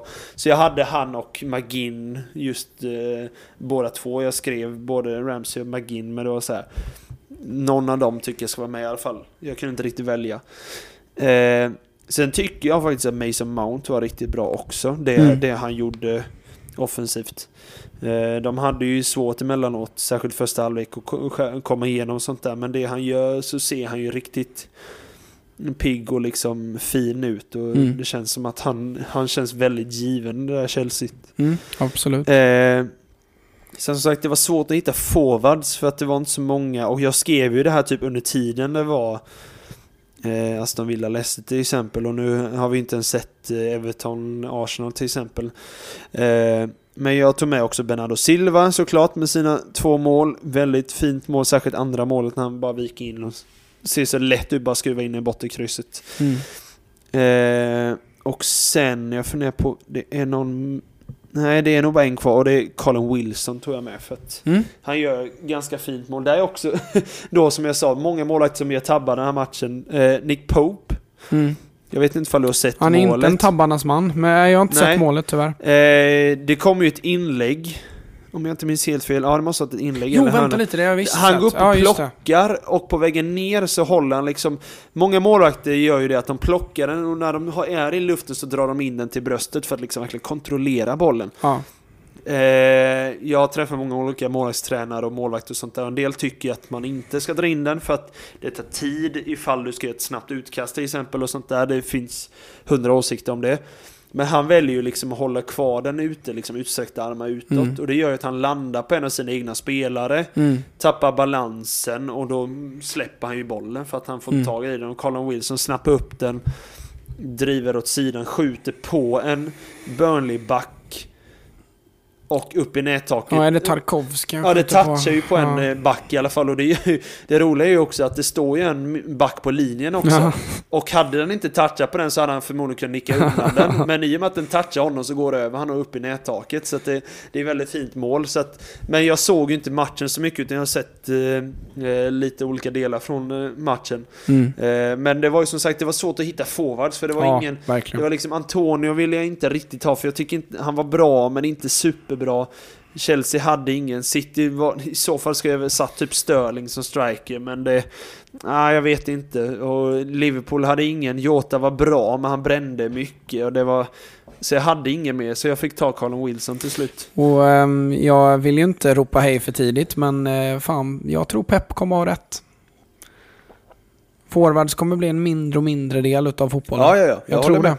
Ja, Ehm, men, och sen är det väl liksom i kombination med att en del forwards är skadade och ur form och sådär. Ja. Men, men jag tror att det verkligen är på väg åt det Ja. hållet. När man tittar på hur målen görs i år i PL. Ehm, skulle jag tro. Och även i de andra ligorna ska sägas. Mm, Eh, okej. och eh, Det är därför jag tror mer på Mbappé än Haaland till exempel. Mm. För att jag tror att eh, alltså en, en forward, en, en så tydlig nia kräver att man bygger en del av det offensiva spelet kring en spelare. Och så funkar inte riktigt fotboll alltid. inte, På samma sätt det- som förr. Inte så det håller på att utvecklas i alla fall. Nej, det tror inte jag heller. Nej. Eh, snyggt, men Yes. då tänker jag så här. Eh, vi gjorde så här förra veckan att vi slängde in eh, fant eh, fantasyhörnan i Patreon. Ja. Eh, för att eh, jag och Otto pladdrade på. Om vi tyckte att eh, vi pladdrade på förra veckan så är ju det här ett rekord, två timmar. Ehm, så eh, vi ska försöka hålla ner det, men det var ju Ja. våran drömelva där som vi hade Ja, lovat. det tar lite tid. Ja, men jag tänker så här att eh, eh, det känns lite eh, halvtaskigt att göra det, men jag tror att vi slänger in eh, Fantasyhörnan i Patreon exklusivt. Mm, För vi har, en, Patrons. vi har en riktigt bra fråga Ja, eh, ifrån Patreon ja, och eh, så kan vi ta Fantasyhörnan. Eh, ja, det gör vi. Men då säger vi så här, tack så jättemycket för att ni har lyssnat Ja, på Gräsrötter Podcast. Eh, och vill ni bli Patreon så är det väldigt enkelt. www.patreon.com grasroter eller Patreon-appen och söka på oss där. Eh, räcker med en dollar i månaden, det vill säga 10 spänn i månaden, det vill säga nada. Ja. Eh, så vill ni det så är ni hjärtligt välkomna in dit. Eh, men nu rullar vi in i sista kvarten. Yes. Kör vi! Kör vi!